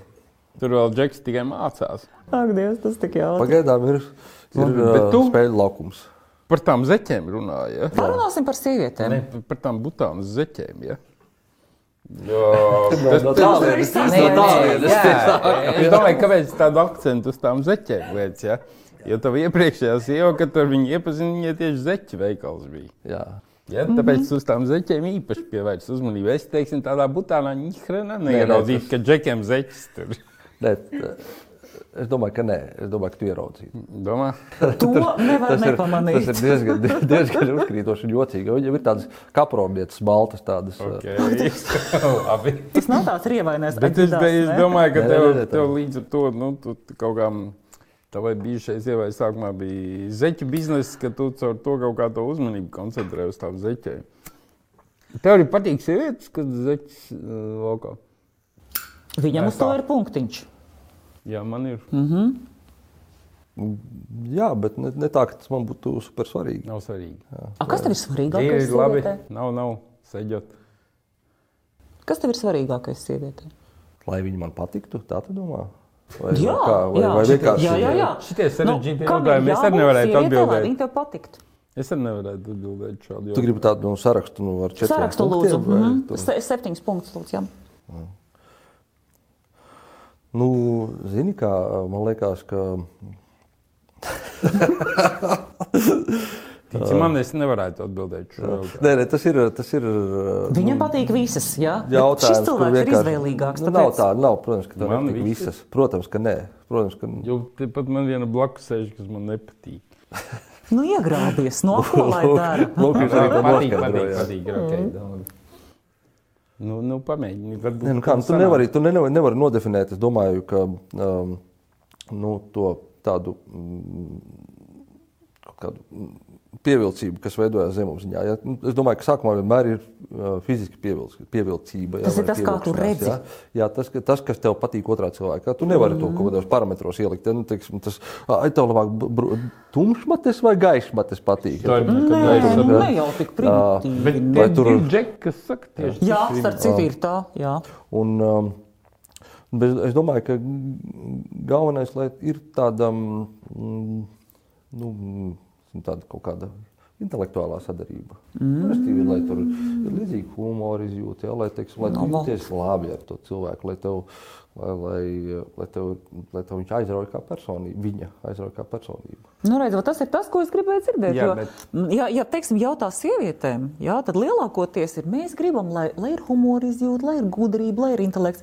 Un mums vienmēr liekas, ka vīrieši, nu, lai ir tur D izmērs un tā tālāk. Nu, Tagad es dzirdēju to, ko es gribēju. Tas ir tik forši. Bet es savukārt Oponēsi. dzirdēju, O, o. ka džekiem, par kuriem presē raksta klāt miljonārs, ir baigi problēmas ar šo. Saprast, norientēties, kurā brīdī viņi ir īsti, kurā brīdī viņi spēlē kaut ko. Tev nav šo problēmas bijušas. Nu, pirmkārt, jūs esat aktualizējuši to miljonāru. Man nemaz tā neraksta klāt. Raksta. Raksta. Nu, kur? Mēs esam papētījuši. Pirms, pirms desmit gadiem. Nu, nav tā, ka nu, cilvēks, kam ir uh, miljons, viņš nav miljonārs. Nu, tas tāds Nu, labi, tā, tā, nu, kā viņš ir jau. Kā teiktu mans tētis, viņi pribidņēcis. Nē, nē, bet tas nav. Nu, par to. Um, Nu, turīgs vīrietis, Jā, teiksim. jā vai, vai, turīgu, vai turīgums tev nerada aizdomīgumu. kā Prot, nu, kā, protams, jo, un turklāt, jo, jo nu, pieredzes bagātāks tu paliec, jo aizdomīgāks tu kļūsti. Va. Īpaši mūsu laikos. Uh, bet es domāju, ka tev droši vien ir vēl sarežģītāk, jo, Man vienkārši. jo nu kā, Man nekā nav. nekā nav. Ne jau, bet ne, tā jau ir tikai viena sieviešu kategorija, kurām, kurām interesē nu, nauda kā kaut kāds pašmērķis. Ja tur vīrietis, viņam nav naudas, būs forši, ja tur viņš man visu kaut ko pirks. Uh, es domāju, ka nu, tev arī, nu, ja, ja tu nebūtu tāds mm, pazīstams, uh, godājams režisors, ja, vai tās visas sievietes, kas par tevi interesēs, vai viņas interesētos? Bet viņam bija tā, ka viņam es nebiju 20 pazīstams, man bija vairāk visi. variantu. Jā, Tagad, skaties, uzreiz ir prese un Jā. uzreiz ir problēmas. Pagaidiet. Un tagad Nu, visi zina, ka tu esi precēts, tad nezināja. jā. Es domāju, ka tas, ko mēs darām, Uh, nu, šajā gadījumā nezinu, tur arī mans nosacītais turīgums. Tas ir, tas ir, Tā ir tava rakstura tā- tā ir- Nu, vai tas, nu, tas ir sekas uh, manai nodarbošanai. Ja? Tas, tas uh, attiecīgi ir daļa no mūsu personības. Nu, To, tā- to es pieņemu, un tas tā vienmēr ir bijis. Es Bet pirmo reizi dzirdēju, ka norientēties. turība ir rakstura īpašība. Starp citu, jā, nu kā, tas ir, tas, tas ir viņš, kāds viņš ir. Viņš ir dzīvē sasniedzis to, ko viņš ir sasniedzis, un tas ir arī ir viņš. Tur jau tā lieta, tā nav, okay, Ok, nav atsevišķi no veiksmīgs. cilvēka, kā no personības. Veiksmīgs vīrietis. Nu, Nē, veiksme, nē, ir- nu, tas nav, tā nav raksturība. Šī veiksme ir, ir, ir mm, nu, tas arī, nu, es domāju, tikai, tikai drusciņi mēs to varam ietekmēt. vai ne? Pašrealizēts. Bet, bet Oh, tas neatceļ to, jā, es piekrītu, Jā. ka tas tā ir, bet tas neatceļ to, ka tās sievietes baigi viltīgās sučukas. Jā. Kā tu filtrē? Jautājums ir vienkārši. tāpadās. Kā tu filtrē? Bet uh, man nav tādas problēmas. Man nav tā, ka man kaut kāds tur nāk tād, tād, uh, mm, liels daudzums ar sievietēm, kuras ir jāfiltrē. Nē, Nē, nu, kad tu esi precējies, tad nē, bet mm -hmm. tad, kad tu biji brīvā statusā vienu brīdi, jā, pa vidam. es domāju, ka tu tur nevarēji atkauties no interesantēm. Īpaši, kad publiski tas Nē, paziņoja. ne, ne, ne, nemaz arī tā nebija. Uh, nu, bija kaut kāda intervija, pēc kuras tur uh, Facebookā tur man ienācās. Nezinu, Pamanīja, zinām, aktivitāti. Ja? Vairāki desmiti, vairāki desmiti desmiti. draudzības piedāvājumu, kur es skatos, ka nemaz mums nav kopīgu draugu. Es domāju, kā mēs pēkšņi tā, ka mēs Ko tu pēkšņi kļuvi tik populāri? Ko tev sievietes rakstīja? Tas tik interesanti. Ko sievietes raksta? nu, kā sievietes jau neraksta, nu, vienkārši u- Piedraudzē. Viņas Pie, pie, mēģina piedraudzēties tur tādā Bet veidā. nerakstīja vēstulītes. Cerībā, ka tu uzrakstīsi. Nu, nu, nē, nu, pat, pat, pat, pat, ja teiksim, būtu kaut kas rakstīts, nu, tas jau diez vai būtu jauki tagad tur stāstīt. Un, un, Nē, būs Jā, es- Es, es, vārdus. ne, es negribētu, teiksim, ka es esmu uh, mēģinājis teiksim, kādai, kādai uh, sievietei kaut kā tur iepatikties, uzrakstījis viņai vēstuli, un pēc tam tas, tā kāda sieviete aiziet intervijā, ka, oh, man viens tā uzrakstīja, tā jocīgi, ja, tur vispār pēc tam ilgi smējos. Ja. es viņus tāpēc neakceptēju. Ja. Nu, labi. Kā tu iepazinies ar Marlēnu, tagadējo sievu? Tas ir superīgs vārds. Jā, Marlēna. kolosāli. Kā Dītri. Um, um, tāpat kā daudz kas cits. Um, ar Marlēnu mēs iepazināmies uh, netīši, pilnīgi netīšām bārā. Uh, uh, viņa bija- 13. Nē, citā. Mēs bijām bārā, bārā kur es biju ieklīdis, uh, nu, kur es varbūt iegriežos uh, šajos laikos reizi gadā, un tā bija tā vienīgā reize. un, laikam, Kurā Viņai tāpat. Tīri. Uh, B-bārā, B- B-bārā, B-bārā? jā, B-bārā. Nu, nu, katrā ziņā noteikti ne lai iepazītos, ja es tur eju. Un tur vienkārši tur tā sanāca, viņi bija uh, uh, kopā ar cilvēkiem, uh, kurus es arī pazinu. Mēs tur kaut kā sākām runāt vārdu va- runāt vārdu vārdam, un kaut kāda dzirkstelīte droši vien bija. Uh, Un, um, bet uh, nu, toreiz vēl nekas nesākās. Mēs tur, nu, man liekas, ka viņi ir attiecībās. Man nepatīk līdz citu attiecībās iekšā. Uh, un tad kaut kādus mēnešus vēlāk uh, tā iznāca, ka mums varēja ceļot krustojās, un izrādījās, ka viņi nemaz nav attiecībās vairs. Un, jā, un Bingo. tad, jā, un tad bija kārta manam urnācienam. Super. Neveiklam. Pagaidiet, man tomēr jautājums ir mazliet, ja viņam ļoti patīk chronoloģija manam mm. darba partnerim. Jā. bet Uh, man, man ir jautājums. Jautājums, kas man personīgi bija šausmīgi aktuāls. Es esmu sačakarējis savas attiecības ļoti, ļoti, ļoti smagi sakarā ar to, ka es uh, iegāju biznesā kopā ar vīru. Tas bija mūsu attiecību beigas. Kāpēc tu izšķīries ar Inesi? Vai tāpēc, ka viņa kļuva par biznesa woman? Nu, nē, tas jau būtu. Tāpēc tā jau nešķirās. Jā, jā. Kāpēc gan ne? Ne, Nu, strādājoša sieviete, tas ir savādāk. pats, cik es zinu, investējām ar Alē. Kā tu to zini? Jā, tur man ir jautājums. Nu, īsti. Runas pilsētā runā. Tas gan nav nekur rakstīts. tas, tas gan nav nekur rakstīts. Nē, nu, par to es domāju, ka mums nevajag runāt par, par, Jo. bet, uh, par, par, Nē, tas ir uh, interesanti. Tu tā kā par to investēšanu. Nē, nu, kā, nu, investējies sievas biznesā, kas ir normāli, savas mīļotās biznesā, un kā Ieva saka, un pēc tam tas biznesa šo sievieti pārņem un kaut kādā brīdī. Un tu tipa pietrūks. jā, vai jūs kļūstat Nu, konkurenti? tas, tas būtu ļoti uh, primitivizējot jā. to visu. Nu, es domāju, ka ir cilvēki. Uh, Mainās arī, arī, arī blakus esot attiecībās. Viņi mainās. un Tas uh, man patīk. Man liekas, ka bija kaut kādā grāmatā par attiecībām, bija par to, par to nu, tādām kā teiksim, par braukšanu, braukšanu kā vilcienam pa vienām sliedēm. Un tad pēkšņi teiksim, ir kaut kāds pārbīja, ja, un tās sliedas sadalās. Ja, tad vairs nav paralēli. Ja, Bet tas nebija šī kopīgā, nu, tas nebija šī darba dēļ. Es domāju, ka tas uh, darbs varbūt bija katalizators. Mm -hmm. Tas jums droši vien uh, nu, tādā ziņā jājautā Inesai, nu, kāpēc, uh, vai, vai, vai viņā kaut kas mainījās darba dēļ vai kā. Man mums vienkārši nu, bija um, desenāts vairs uh, harmoniskas attiecības. Es domāju, ka mums bija arī mm, diezgan sarežģīta, uh, sarežģītas pamatu uzstādījums ar tām apvienotām ģimenēm, ar, ar, jau gataviem bērniem. Nu, mēs mēģinājām dzīvot kopā, visi tā kā ģimene, um, kas droši vien bija arī viens no faktoriem. Jā, tur man ir daudz draugu, kas nevar šīs lietas nekā Mm. apvienot. Jo it kā jau it kā jūs tā baigi neaiziet, neaiziet viens kaut kādā baigi uh, konkrētā izglītībā. Tu bīdies par biznesu, viņi paralēli par biznesu, tu sākumā lepojies ar viņas biznesu, nevar noliegt, vai ne? Jūs bijāt tā tāds paraugu pāris būtībā, kas likās, nu, kaut gan kā Megana Mārkla saka, nekad nav tā kā izskatās. Bijis Ko savādāk. kas ir? citēt Megan Markle? Jā, es tagad noskatījos interviju. Nu, ar kas, ir, kas, ir, kas, ir, kas ir parauga pāris, nu, kur dzīvo tā kā citiem vajadzētu dzīvot? Nē, nu tā, ka jums ir ļoti labi. acīm redzami mīloši, visur parādās kopā. Te, nu, Abi mums- ļoti Abiem ir, abi abiem ļoti ir labi stabili kopā. Jā. biznesi. Mums bija noteikti, tā, es domāju, ka mūsu attiecības bija kādu laiku bija skaistas un foršas. Un Tad, tad, kā jau tas parasti notiek, es, es tev varu atbildēt, kas, kas notika un, un kas ir īpaši šajās manās attiecībās vienlaicīgi. Uh, ir mm, cilvēkiem kopā dzīvojot, neizbēgami sāk rasties kaut kādas domstarpības. Jau mums viņas bija varbūt pat vairāk kā citiem, jau, jau pamatos iekodētas ar pašiem bērniem. Tā. Un, un uh, problēma sāk rasties tajā, ka cilvēki nespēja izrunāt.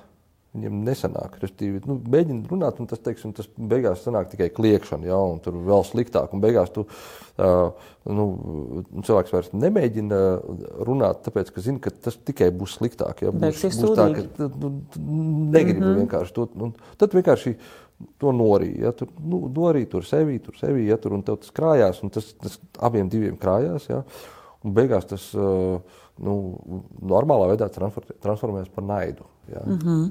uh, Tu tagad runā par savu pieredzi. Uh, nu, es nedomāju, ka mēs tikām tik tālu. Tu nevari iedomāties, cik Uh, nē, ļoti nē, man mēs- interesē šī mēs, tēma. Mēs, ne, mēs mm -hmm. noteikti uh, nenonācām līdz tai pakāpei. Mēs ilgi mēģinājām visu salīmēt, mm -hmm. mēs arī mēģinājām sarunāties, bet mums nesanāca, uh, nesanāca dialogs. Un tas ir tas, ko es teicu par, par savām šī brīža attiecībām. ka Tāpat ir kaut kādas uh, nezinu, situācijas, kur, kur ir uzskatu dažādība, ja, vai vēl kaut kāda tur, nu, bet iespēja, to- iespējama domstarpība. Bet? Mēs, un mēs, bet mēs uh, tās situācijas uzreiz liekam galdā un normālā dialogā Tas izrunājam. ir tas, ko tu esi mācījies no Tas ir galvenais, ko es esmu mācījies no iepriekšējām attiecībām. Kāpēc ir tas? Kāpēc ir variants, ka tagad jūs varat to izrunāt, un agrāk nevarējāt izrunāt? Vienkārši es nu pat runāju ar psihoterapeitu, kurš teica, paklau, tu, tev vispār nav tiesību, un, un, un, un nevienam vispār nav tiesību gaidīt no otra cilvēka kaut ko. Ja tu vienkārši gaidi ilgāk par 20 sekundēm, sākās ziepes. Un tad es sāku domāt, pagaidi, ko es, es, es gaidu gadiem, teiksim. Ja? Un, uh, un es esmu mēģinājis izrunāt, un viss izrunāšana beidzās ar ko? Ar kliēkšanu. Kliēkšana beidzās ar to, ka tu vairs nekad nerunāsi ar šo cilvēku. Es saprotu, ka nav ko runāt. Tad sākās naids. Ja? Tad jautājums, bet kur ir tas pamats? Kāpēc ar vienu sanāk, ar otru nē? Ne, nu, tas ir tas pamats. Tas ir tas pamats. Vai tu satiec vai nesatiec īsto cilvēku. Un vēl ir, vēl ir, arī, vēl ir arī tas, ka tas, uh, ka tas cilvēks uh, blakus viņš mainās. Viņš var samainīties. Viņš var likties sākumā īstais, beigās viņš nav īstais. Uh, arī tā var notikt. Bet, bet lielā mērā es domāju, ka jebkuras attiecības, ja cilvēku starpā ir kaut kāda, pastāv kaut kāda simpātija, jo viņi ir sākotnēji līdzīgi domājuši, kuras attiecības var izvilkt, ja tie cilvēki ir pietiekoši gudri, lai viņi viņas izvilktu. Un... Bet tu teici, ka neizbēgami laikam ejot sākas domstarpības, bet ir arī cits variants. Laikam arī to notiek pieslīpēšanās, -huh. interešu uh -huh. saplūšana. Es varbūt nepareizi noformulēju. Tās domstarpības neizbēgami ir. Nav pat tā, ka viņas sākas laikam ejot. Nav tā, ka viņas sākumā nebija un pēc tam viņas parādās. Bet pat nevis domstarpības, bet nu, kaut kādas atšķirīgas redzējumus. Pārsvarā jau viņš sākumā ir mazās lietās, tas atšķirīgais redzējums. Un viņš Nu, kaut tam, sīkumos. jā, pēc tam uzauga par lielajām lietām. Nu, kā teica mans budismu skolotājs, katram cilvēkam ir sava dimensija. Tad, kad viņi iemīlās, tās dimensijas saplūst uz kādu brīdi. Pēc tam tu atdalies un skaties, nu, man ir tāda, un, Jā. un, un viņam ir tāda, un tālāk sākās, vat, ah, ko darīt. Bet tu piefiksēji to brīdi, kad, kad tu pēkšņi saproti, nu viss te ir jāliek punkts. Vai tas jau bija samilzis līdz Kurš pielika to pakāpei? Mēs, ne, uh, es nedomāju, ka tas bija viens tāds. Viena tāda robežšķirtne. Tā- sakrājās? Tas vienkārši tā- nu, tā lēnām. Nu, nu, tas, mums, uh, mūsu gadījumā nebija nekādas paralēlās līnijas ārpusē, vai kā mēs vienkārši nu, lēnām tās attiecības pārtraucām. paralēlo attiecību nevienam ne nebija, jā, ne? nebija, nebija, ka kāds kaut kur aizgāja pēc tam. Uh, nu, tas ir super sarežģīti. Mums bija ilgas attiecības, uh, super sarežģīti viņas pārtraukt. Tāpēc, ka tu esi ar to cilvēku saradis un kaut kādā veidā Tas bija kaut kādi deviņi gadi kopā. vai? Jā. Uh, un, uh, un, un tas ir tāds, nu, es domāju, ka emocionāli tas ir super smagi abiem diviem. Nu, droši vien, ka, ka arī tu esi piedzīvojis sarežģītu. Deviņi gadi es vēl neesmu piedzīvojis. Ir pieciem beigās, bet Nu, nē, nu arī šobrīd nav ir starp vairāk. pieci vai deviņi.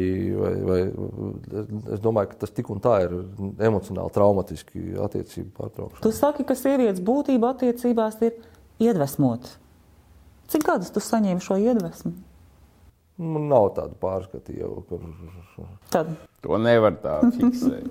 Tu nu sajūti, vai nesajūti. Mm -hmm. fiksēt. Bet, teiksim, jūs pēc tam mierīgi nonākat līdz punktam, apsēžaties un normāli izrunājat. Ejam tālāk, katrs savu ceļu. Tik vie- vienkārši. Bez skandāliem, tā vienkārši ne, ne, nebija, nebija, droši vien tā nebija viena saruna. Es domāju, ka tās bija daudzas sarunas, kur mēs tā soli pa solim. Un, zini, uh, Un neviens no jums negribēja saglabāt to. nu, mēs, es domāju, ka mēs kādus, droši vien, varbūt vairākus gadus mēģinājām saglabāt. Jūs gājat arī pie kāda ģimenes terapeita vai ko gājām, jā. Pat. jā. Un Pie Rudzīša? nelīdzēja. Ja?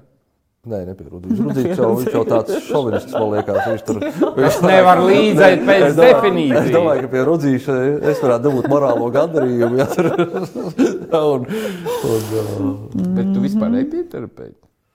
Es biju gāju tajā uh, savā uh, vienatnes periodā. Um, un uz viņa beigām, tā perioda beigām gāju. Un, bija superīgs terapeits, uh, kas saka, kā jādara. Nevis, nevis teiks, nu, tur stāst, kā tu Bet viņi jūties. ja. nedrīkst dot padomus. Viņam Nu, jānoved tevi līdz pašam līdz kaut kādam Pilnīgi, pilnīgi derētas formāts. Bija arī ļoti profesionāli. Tu taču redzi, ka viņi pārsvarā visi paši ir sajātām dzīvēm. Kurā brīdī tu uzticies? Vēl jau vairāk, ja viņi dod receptes, kā jādara.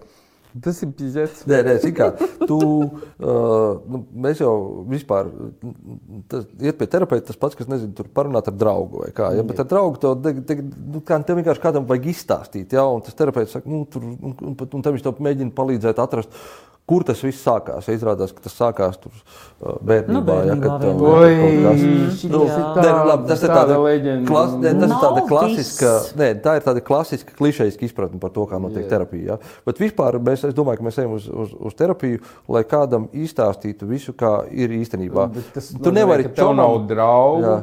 Tu nevari nav- čomam stāstīt Kāpēc? pilnīgi visu. Kāpēc? Nu, tāpēc, ka tu tāpat kaut ko noklusēsi. Sūdīgs čoms varbūt. Kas? Tu zini, ka draudzenes Nē, es, ned, es, ir.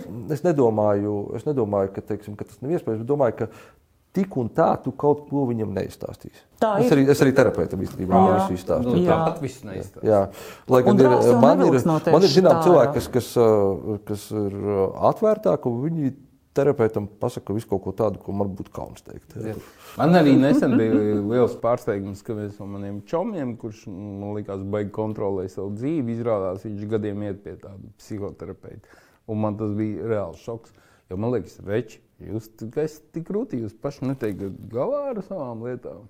Kurš teica, ka veči kā- ir tik kā- krūti? Kāda, kāda tante vai onkulis, kuram kaut ko izstāstīt, lai jūs varētu sakārtot savu dzīvi. Tas ir Jo mīts. Tas nav kaut kāds beigais vājums. Nespēt pašam norientēties kaut kādās attiecībās, lietās, jeb savā dzīvē.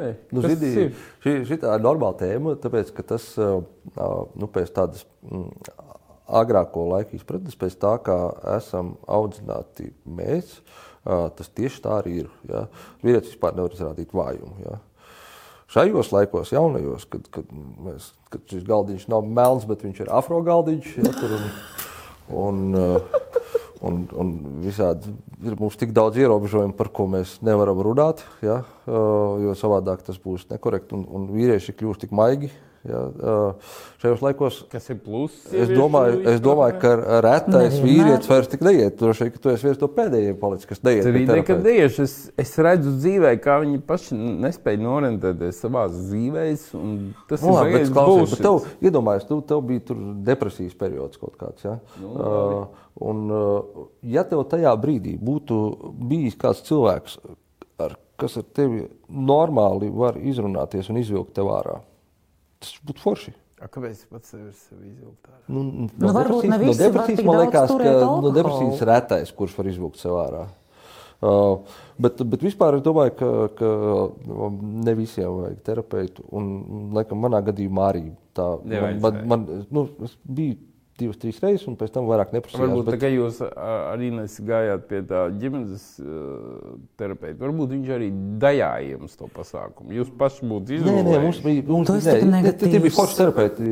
Es, mēs it kā gājām turklāt ne, ne gluži tur par sevi, bet kā vairāk par bērniem jautāt. un Man, uh, es tur jūtos labi. Uh, nu, nu, tādā pārterapijā man likās, vispār ir tā, ka nu, var aiziet tā kā izsūdzēties, un tad tu dabūt, grib dabūt to atbalstu, kas terapeits saka, nu jā, tomēr.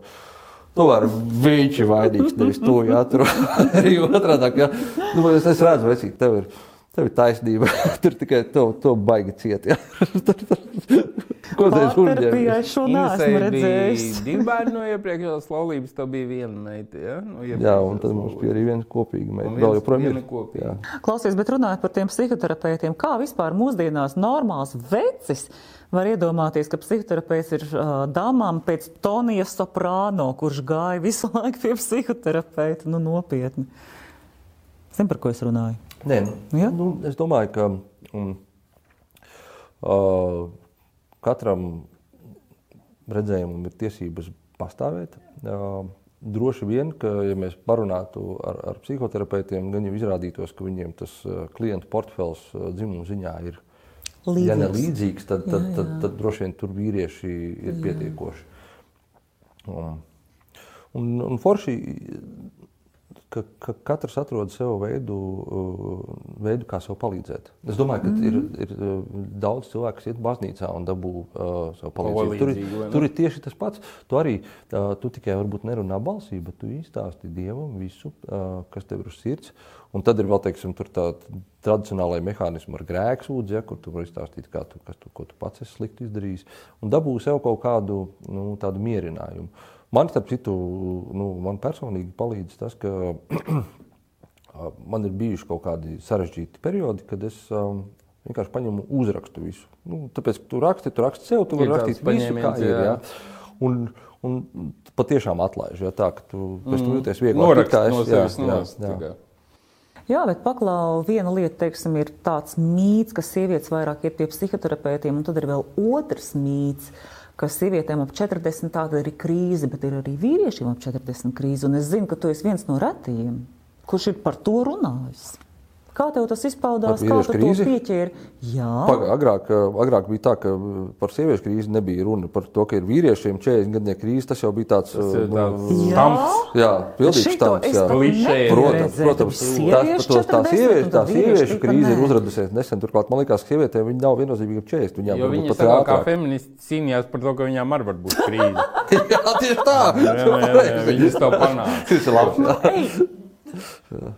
Nu, Skaidrs, ka vīriešiem ir krīze, blīnā viņas tā kā apdalīts. Viņas arī jomā. Mums ir konkrēta pārēja, tur kaut kāda, nezinu, 40 plus. Menopauze, par kuru tu vēl neko nezini. Nu, jā. nezinu, sorry, Jo man pirmā piedod. raidījumā nevarēja atbildēt šo jautājumu. Viņš man jau uzdod kā, kādu meni, kādu meni, es nezinu. Kad viņi sākās? nē. 50 kaut kas, jā? 50. Nu. Kā, nu, kā nu kuram? Man vēl tādi šādi Kā nu gadiņi kuriem? jāpagaida līdz tam. Nav Fuj, vairs jāgaida. partneris skaitās. Nu, Labi, bet klausies, bet es- Tad kāda ir tā personiskā 40 gadnieku krīze? Kā, kā tu viņu izjūti, pieķēri sevī? Ko tas nozīmē vīrietim? Tu teici, ka tu sāc kļūt mazāk snobisks. Nu, jā, nu, es, es vairs neatceros, ko es tur teicu. Es arī, godīgi runājot, vairs neatceros, ko es par to, par to domāju. Uh, Ko sarunā vai ne? jā, man nav, Es arī nav nekādas krīzes. Man viss Kas labi. tad Es- notiek es- ar tavu snobismu šobrīd?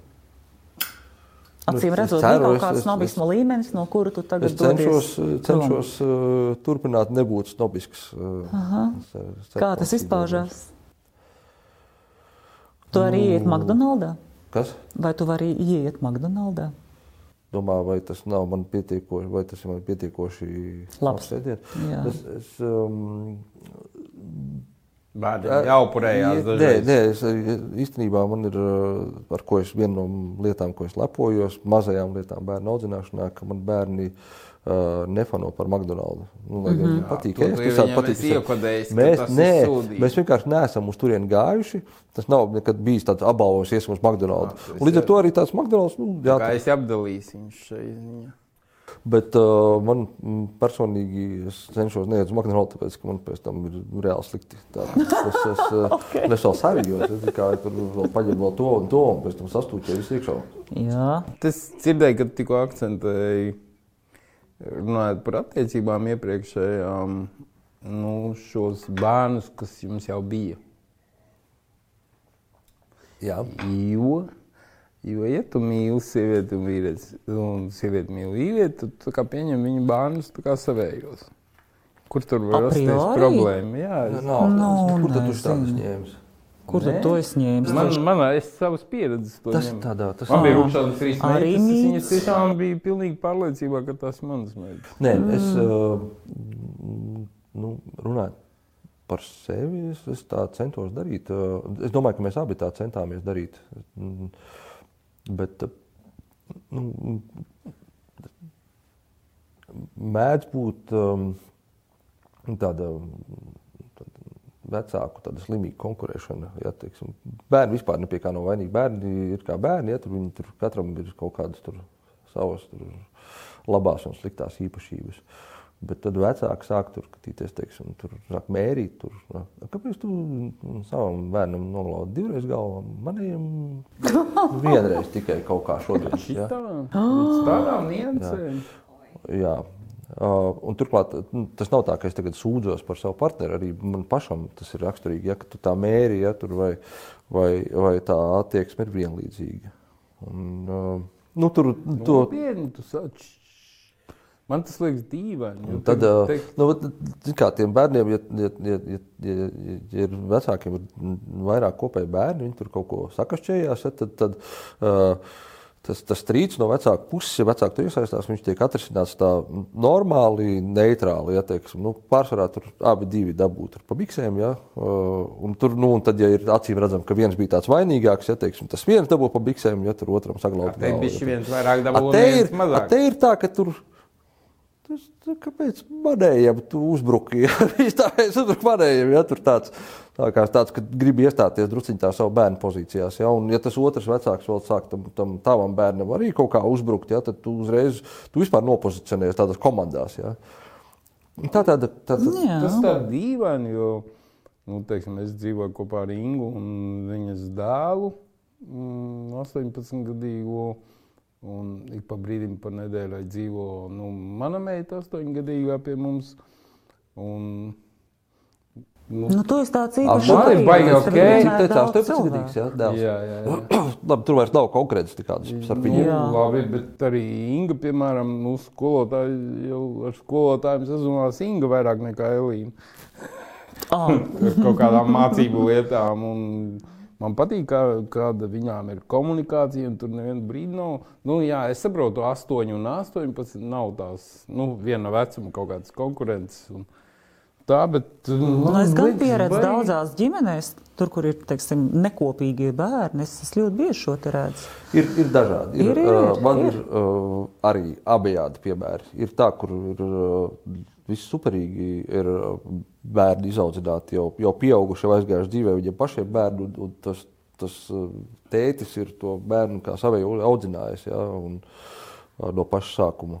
Bet jums bija bieži to problēmas. ja? Mums bija Cik es problēmas, jā, jā, bet, nu, tas tāds nav. mm, To es negribētu izvērst. Labi, bet kā tagad Marlēna, ta- tagadējā jaunā sieva ar Superīgi. tavām meitām komunicē viss Viņai, mm, ideāli? Jā, Jā, jā viņai savu bērnu nav, te mums nav nekādas konkurences. Jā, jā, un, Pagaidām nav. Viņa, ne, nu, nevar jau arī savādāk. Es ceru, viņai nevar rasties bērns, kā tikai būs kopīgs bērns. un Tad, teiksim, tur... Tā tu, tā tu domā. Ai, ai, nu gan, nu gan. Bet klausies, kāpēc tā kā jūs gājāt kopā? Viņ, mm, viņai bija reklāmas aģentūra, ja, un tagad viņa pārgāja kā marketinga direktore viesnīcā un viss tur tā kā fīrē. Jā, un Jūs tagad tagad sāpīgais kopā- kopējā biznesā ka? Viņi atkal strādā būtībā kā tavs padotais. Nē. Nē, tas par to viesnīcu viņi vienkārši man uz, uz laiku palīdzēja. Par ko viņai liels paldies. noteikti nav tāds modelis. Tas nav vienkārši ir, viņa, viņa ir pietupusies lecienam, teiksim tā. Uz kurieni? Ne uz viesnīcu. Nē, nē, neuzvies. Mhm. Mm. Jā, Bet tu vari iedomāties, ka jūs strādājat visu laiku vienā un tajā pašā uzņēmumā kopā, jo man liekas, tas ir, Nē, nu, kā? tas ir Nē, ļoti, nav- ļoti nogalinoši. Tas nav arī. Tas arī Iedomājies, tu būsi boss, mūsu- un viņa nē, būs, nu, nē, nē, tas, Protams, tas tāpatās kā arī, arī draugus nevajag ņemt darbā. Uh, un, jo. Nu, kā tāpēc, jau? ka tu izveido, izveido citu. Uh, uh, Attiecību modeli. Uh, jā, uh, respektīvi, tev izveidojas kaut kāda hierarhija, nu, un, un, un tad vienā brīdī tu, esi, tu pieņēmi draugu, un tu viņam sāc tā kā kaut kādas uzdot komandas, mm -hmm. vai vēl kaut ko. Jā. Jā, bet. Un tā, ja tā, tā, tā vairs nav draudzība. Nu, tu tur, tur, tur jābūt tur super jaudīgai personībai, lai teiksim, tad pēc sešiem mēs pārslēdzamies. Un, un tagad mēs atkal esam tur. Bet tas nav tā baigi klišejiski. Man liekas, ka ļoti veiksmīgi šāda sadarbība būt. Jo man vienreiz ļoti svarīga draudzība beidzās ar draugu, kurš atkal bija šai klišejā, neaizdod naudu draugam, jo nu, tad sajāsies draudzība Jā, ļoti man grūtā brīdī. Viņš to varēja, bet viņš vadījās no šīs klišejas. Un, un nu, tajā brīdī tiešām draudzība beidzās. Tas ir. Jo viņš man tajā brīdī var savādāk. izglābt. Nē, tas ir drusku savādāk. Tas uh, um, um, par to aizdot naudu vai pieņemt darbā pie sevis. Tās ir divas dažādas lietas. Nezinu, Nu, diemžēl es esmu dažus draugus tā pazaudējis, aizdodot naudu, vai nu, precīzāk, sakot, tur ir kaut kas tur sašķobījies. un Tā, ir, mm, bet um, nu, labam draugam mm, es um, aizdodu naudu pie sevis, uh, domājot, ka es viņam iedodu naudu. Mm -hmm. nevis aizdodu, ja man ir tāda iespēja. Tā tu esi krots. Un Tā ir vispār vienīgā Nu, iespēja, tas, kā es to nē, tas, nav, tas nav, lai kaut kā es. Uh, Cik tev ir draugu? Tādu, kurus tiešām var nosaukt par draugiem. Daži. Ļoti dažādi. Un ienaidnieki? Nezinu. Varbūt ir kādi, kas uzskata mani par ienaidnieku. Tas vairs Nu, neskaitās ienaidnieki, tie ir heiteri. Nu, Lūks, nav. varbūt. Nu, jā, varbūt Jā, tādi. jā, jā. Varbūt ir Tos kāds mēs parasti heiteris slēptais, bet, Sociālajos tīklos. Jā, bet, mm -hmm. bet uh, nē, man nav. Nav arī neviens tāds, ko es kaut kā nīstu. Tu pirms brīža teici, ka tavam jaunā sieva, trešā pēc kārtas, manā gadījumā Tikai- sestā. tikai trešā. Manā gadījumā sestā. Man ir tikai trešā sieva. Jā, tagad tu kārtas. vēl esi tikai pusceļā līdz manam līmenim. Man, man, ja mēs pa sievām Arī, man arī viss- nevaru netiecos sacensties ar tevi. Es ceru. Es arī nekad neesmu sacenties. Ar sevi. bet Tu neesi uz Katru reizi cipariem, ne? liekas, jā, katru reizi, kad tā. Bet man visdīvainākā bija tā situācija, zin, kad dzimšanas birojā to aizpildīja eilīti, kuru reizi precējies. Es skatos, Inga ieraksta lepni viennieku. un Man jāraksta sešnieki, tas sešnieks izskatās šausmīgi. Man, man, arī, man arī bija tieši tāda situācija ar Marlēnu. Tev tikai trīnieks. Bet tā arī bija, arī bija kautrīgi.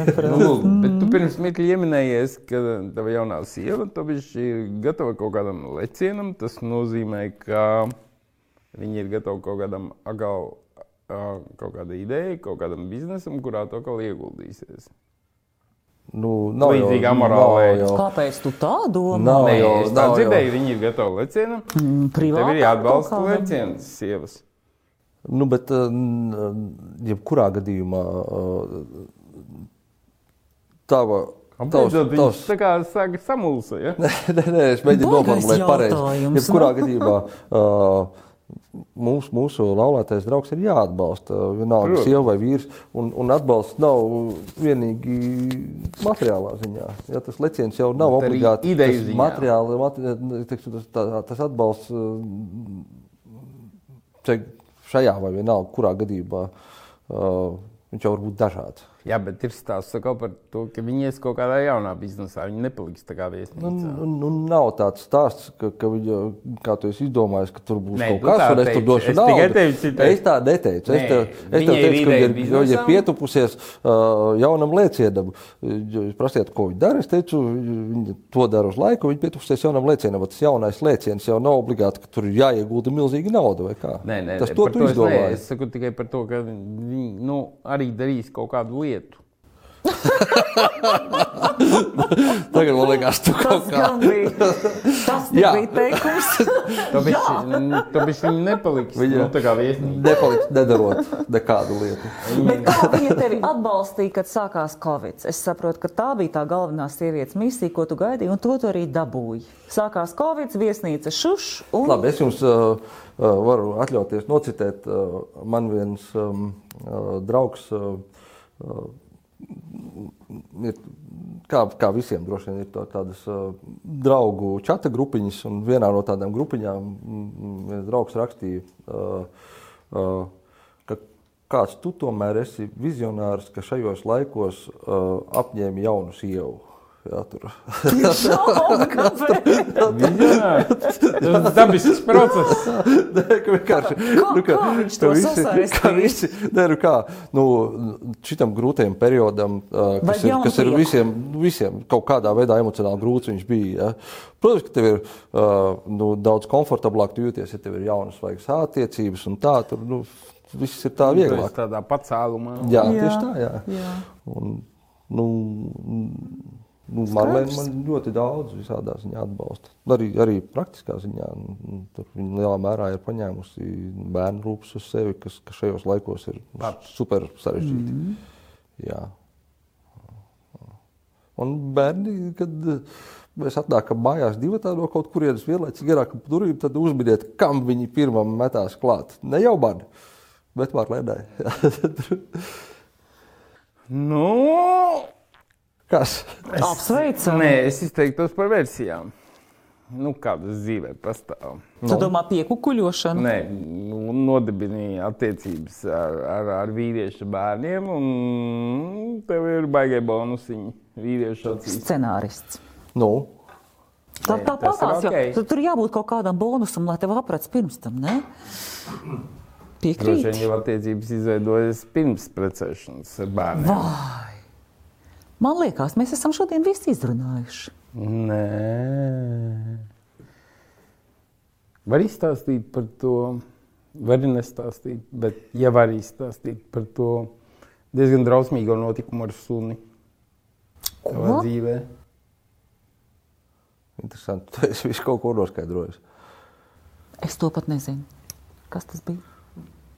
Um, man um, vecākajai meitai, kad viņa vēl bija tāds zīdainis, viņai bija pusotrs gads, viņai uzbruka suns. Nopietni sakropļoja. Nu tā, tur bija arī tur kaut kādas sekundes līdz tam, ka, līdz, līdz sliktam iznākumam pavisam.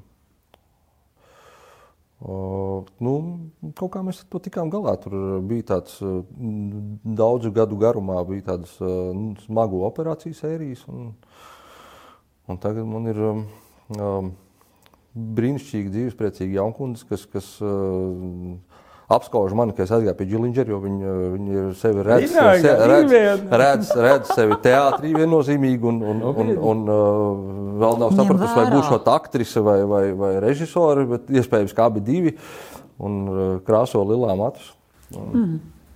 Un, uh, un rūpēs par to, lai tēvam nebūtu matus galvas. Tas viņai sanāk, oi, piedod. Kas bija tavs pirmā sieva? Uh, mana pirmā sieva bija Gundaga Dūduma. Jau cik? Pareizi. Nebija nekādi baigi jaunie gadi. Pār 20. 30, man liekas, ka 30. Mēs apprecējāmies, bet mēs diezgan ilgi dzīvojam pirms tam kopā. Mm. Tu tik ilgi novilki? Man, nē, man bija pirms tam ilgas attiecības. Man ir, es esmu tāds, starp citu, mūsu kopīgs draugs saka, viņš kādreiz teica tā sērija veida monogāms vai kaut kā tā. nē, bet tev ir, tev ir baigais ķēriens uz ļoti sarežģītām un ļoti sarežģītām, sarežģītām ļoti spilgtām sievietēm. Mm -hmm.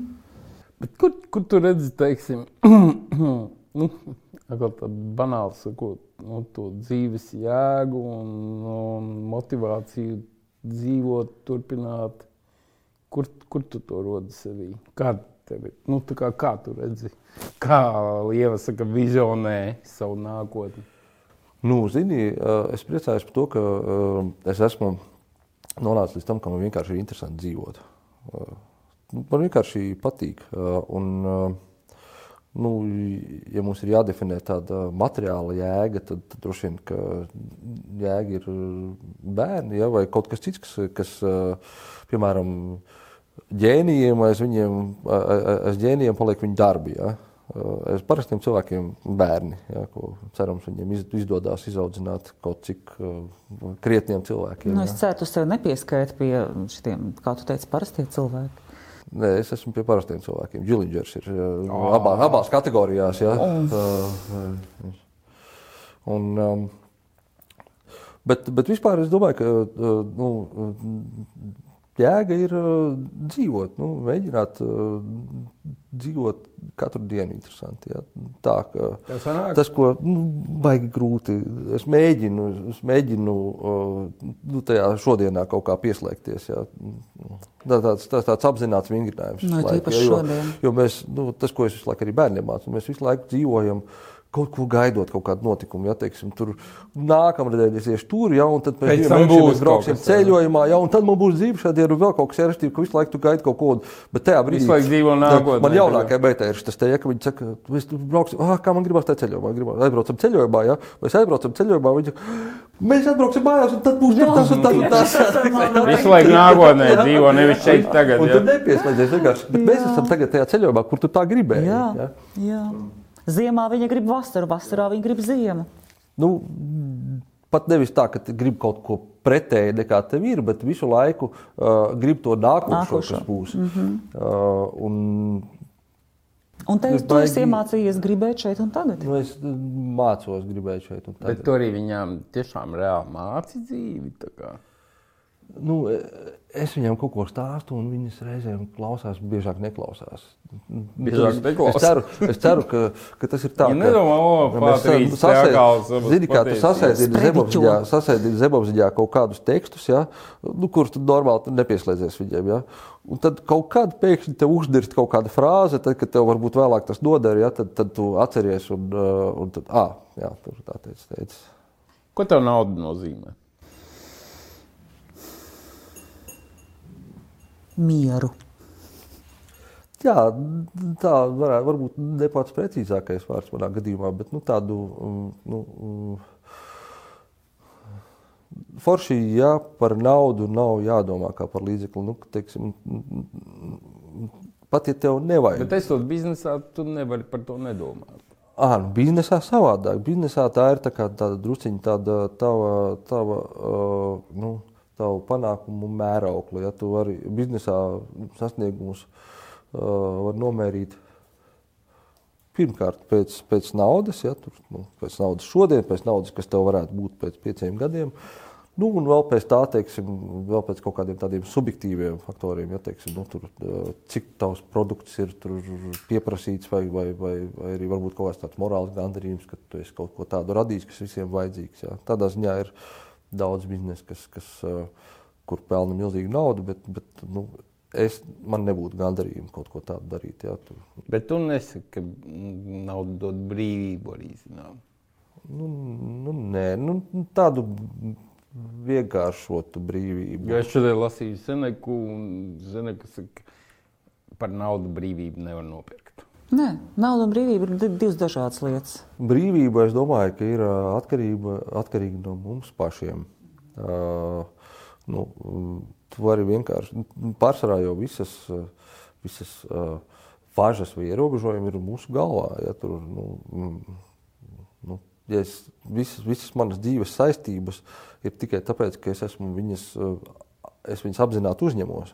Es varētu teikt, tur, ejiet jūs visi un doties kļūt brīvs. Ja. Šī viss ir nahuj. Ai, Piemēram, Nu, tādā viņš to pateica tik smuki. Kāpēc? Vienā, vienā filmā bija šī tā, kāpēc tev vajag limonu, viņa prasa Džekam. Viņš saka, tāpēc, lai es visu dirstu varētu pasūtīt. Nu, pasūta tāpat, nu, Vienu protams, fišu. jā. Bet klausies, bet ja tu šodien nodegtu visu tavu biznesu, tev pēkšņi tu esi nulē.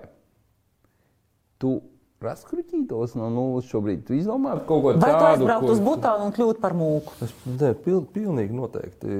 Es, man pirmkārt ir, ir tā bijis vairākas reizes. ka tu Tiešām. no nulles. Jā, jā.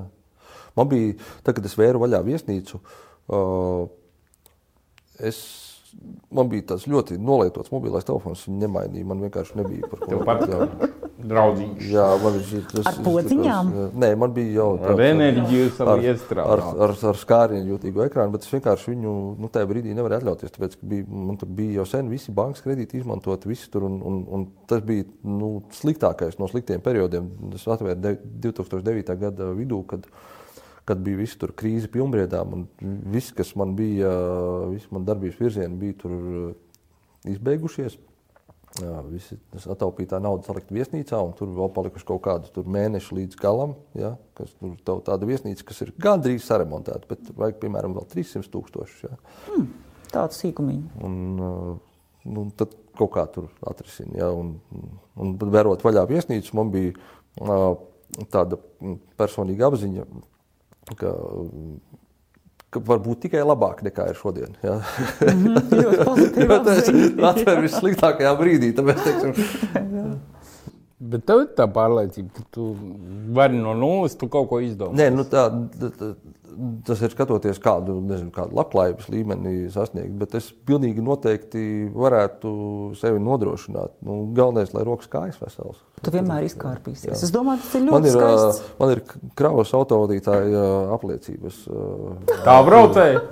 Nē, tā braucēji man nav. Tur vajag vēl arī man liekas, Fūrēm. D kategoriju, tur, lai piekabi. Bet ar, ar fūri man patīk braukt tikai garajos reisos. Teiksim, varētu kaut kādā tādā Baltijas. Var pārdomāt visu dzīvi un mierīgi. Jā, bet nu, baigi, zin, kā tu ilgi, ilgi sēdi, ja tur pie tās stūres drusciņi jau apnīk. Ja, tur, es domāju, ka tāds, tāds 5 stundu brauciens foršs. Domāju, ar, ar, ar, ar pasažieru autobusu ir forši braukt. Es noteikti varētu pārkvalificēties un, un paņemt arī. Čiliņģi, bet tā ir ģeniāla ideja. Un tu zini, kur ir problēma? Man pēc desmit minūtēm sākās apmācības drošās braukšanas autoskolā. Es varētu nolikt tiesības un, piemēram, strādāt par taksometru vadītāju. Nu, Ja kas? Pēc desmit minūtēm tev sākās. Mm -hmm. Tev jāiet. Sveicam. nu, labi, nu, noslēgumā tu kā, nu, ir kaut, kāda, kaut kāds piķa levels, pie kura jāapstājās un mierīgi jādzīvo, vai kā vajag un vajag. Vai ieeja garšā un jābīda tālāk biznesi un jāattīstās un vēl kaut ko jāver vaļā un vēl kaut ko jāģenerē. Nē, es, es gribu atrast tādu līdzsvaru starp, starp uh, uh, naudu, tā ka pietiek, un, uh, un, un darbu, tā ka interesanti, bet nu, tā ka tu nevari go procesam. Uh, Bet par to piķa levelu tas īstenībā tas ir mans jautājums, par ko es laužu galvu. Par tiem, tiem cilvēkiem, nu, ko mēs visi zinām, tur, tur bagātākie pasaules cilvēki, tur, nezinu, tur no vecās paudzes, tur Bills Gates, ja, piemēram, vai kā. Kuriem vienkārši ir, ir nauda, ko nevarētu iztērēt viņu uh, uh, pēcteči, nezinu, cik paudzēs. Ja? Paudzēs. Ja? Iedomājieties, ja tu vari, nezinu, ziedot labdarībai miljardos, ja, teiksim. Ja? Bet viņi vēl joprojām sāk jaunus biznesus, jaunus biznesa projektus. Ja. Un tad jautājums, kas tas ir? Kas nu, tas nav jautājums par to, vairs, ja tev vairs, tu vairs, ne? pat īsti vairs arī nevari nomērīt uzvaru. Ja, te, nu, nu, tur viņš uztaisīja jaunu biznesu, un tas, piemēram, viņam pelna 100 miljonu gadā. Ja, nu, un kas tad ir tie 100 miljoni, ja viņam tur tas vairs neko nenozīmē? Ja, tas pēc, pret, pret viņa paša naudu tas ir nekas. Vienā nedēļā zaudēja 14 miljardus nākamā nedēļā paceļās par 12 miljardiem un bla bla. Bet tikai ieminējies labdarību. Tu pats ar labdarību nodarbojies. Mm -hmm. Bet Priek, to neapšē, ja? Nē, tas jau nav. Tad jau tā vairs nav labdarība. Māc. Mm -hmm. Uz to arī paveiksim. Tu esi pozitīvs. Karma savu uzlabo. Paldies, tā bija ļoti interesanti. Paldies. Paldies. Paldies.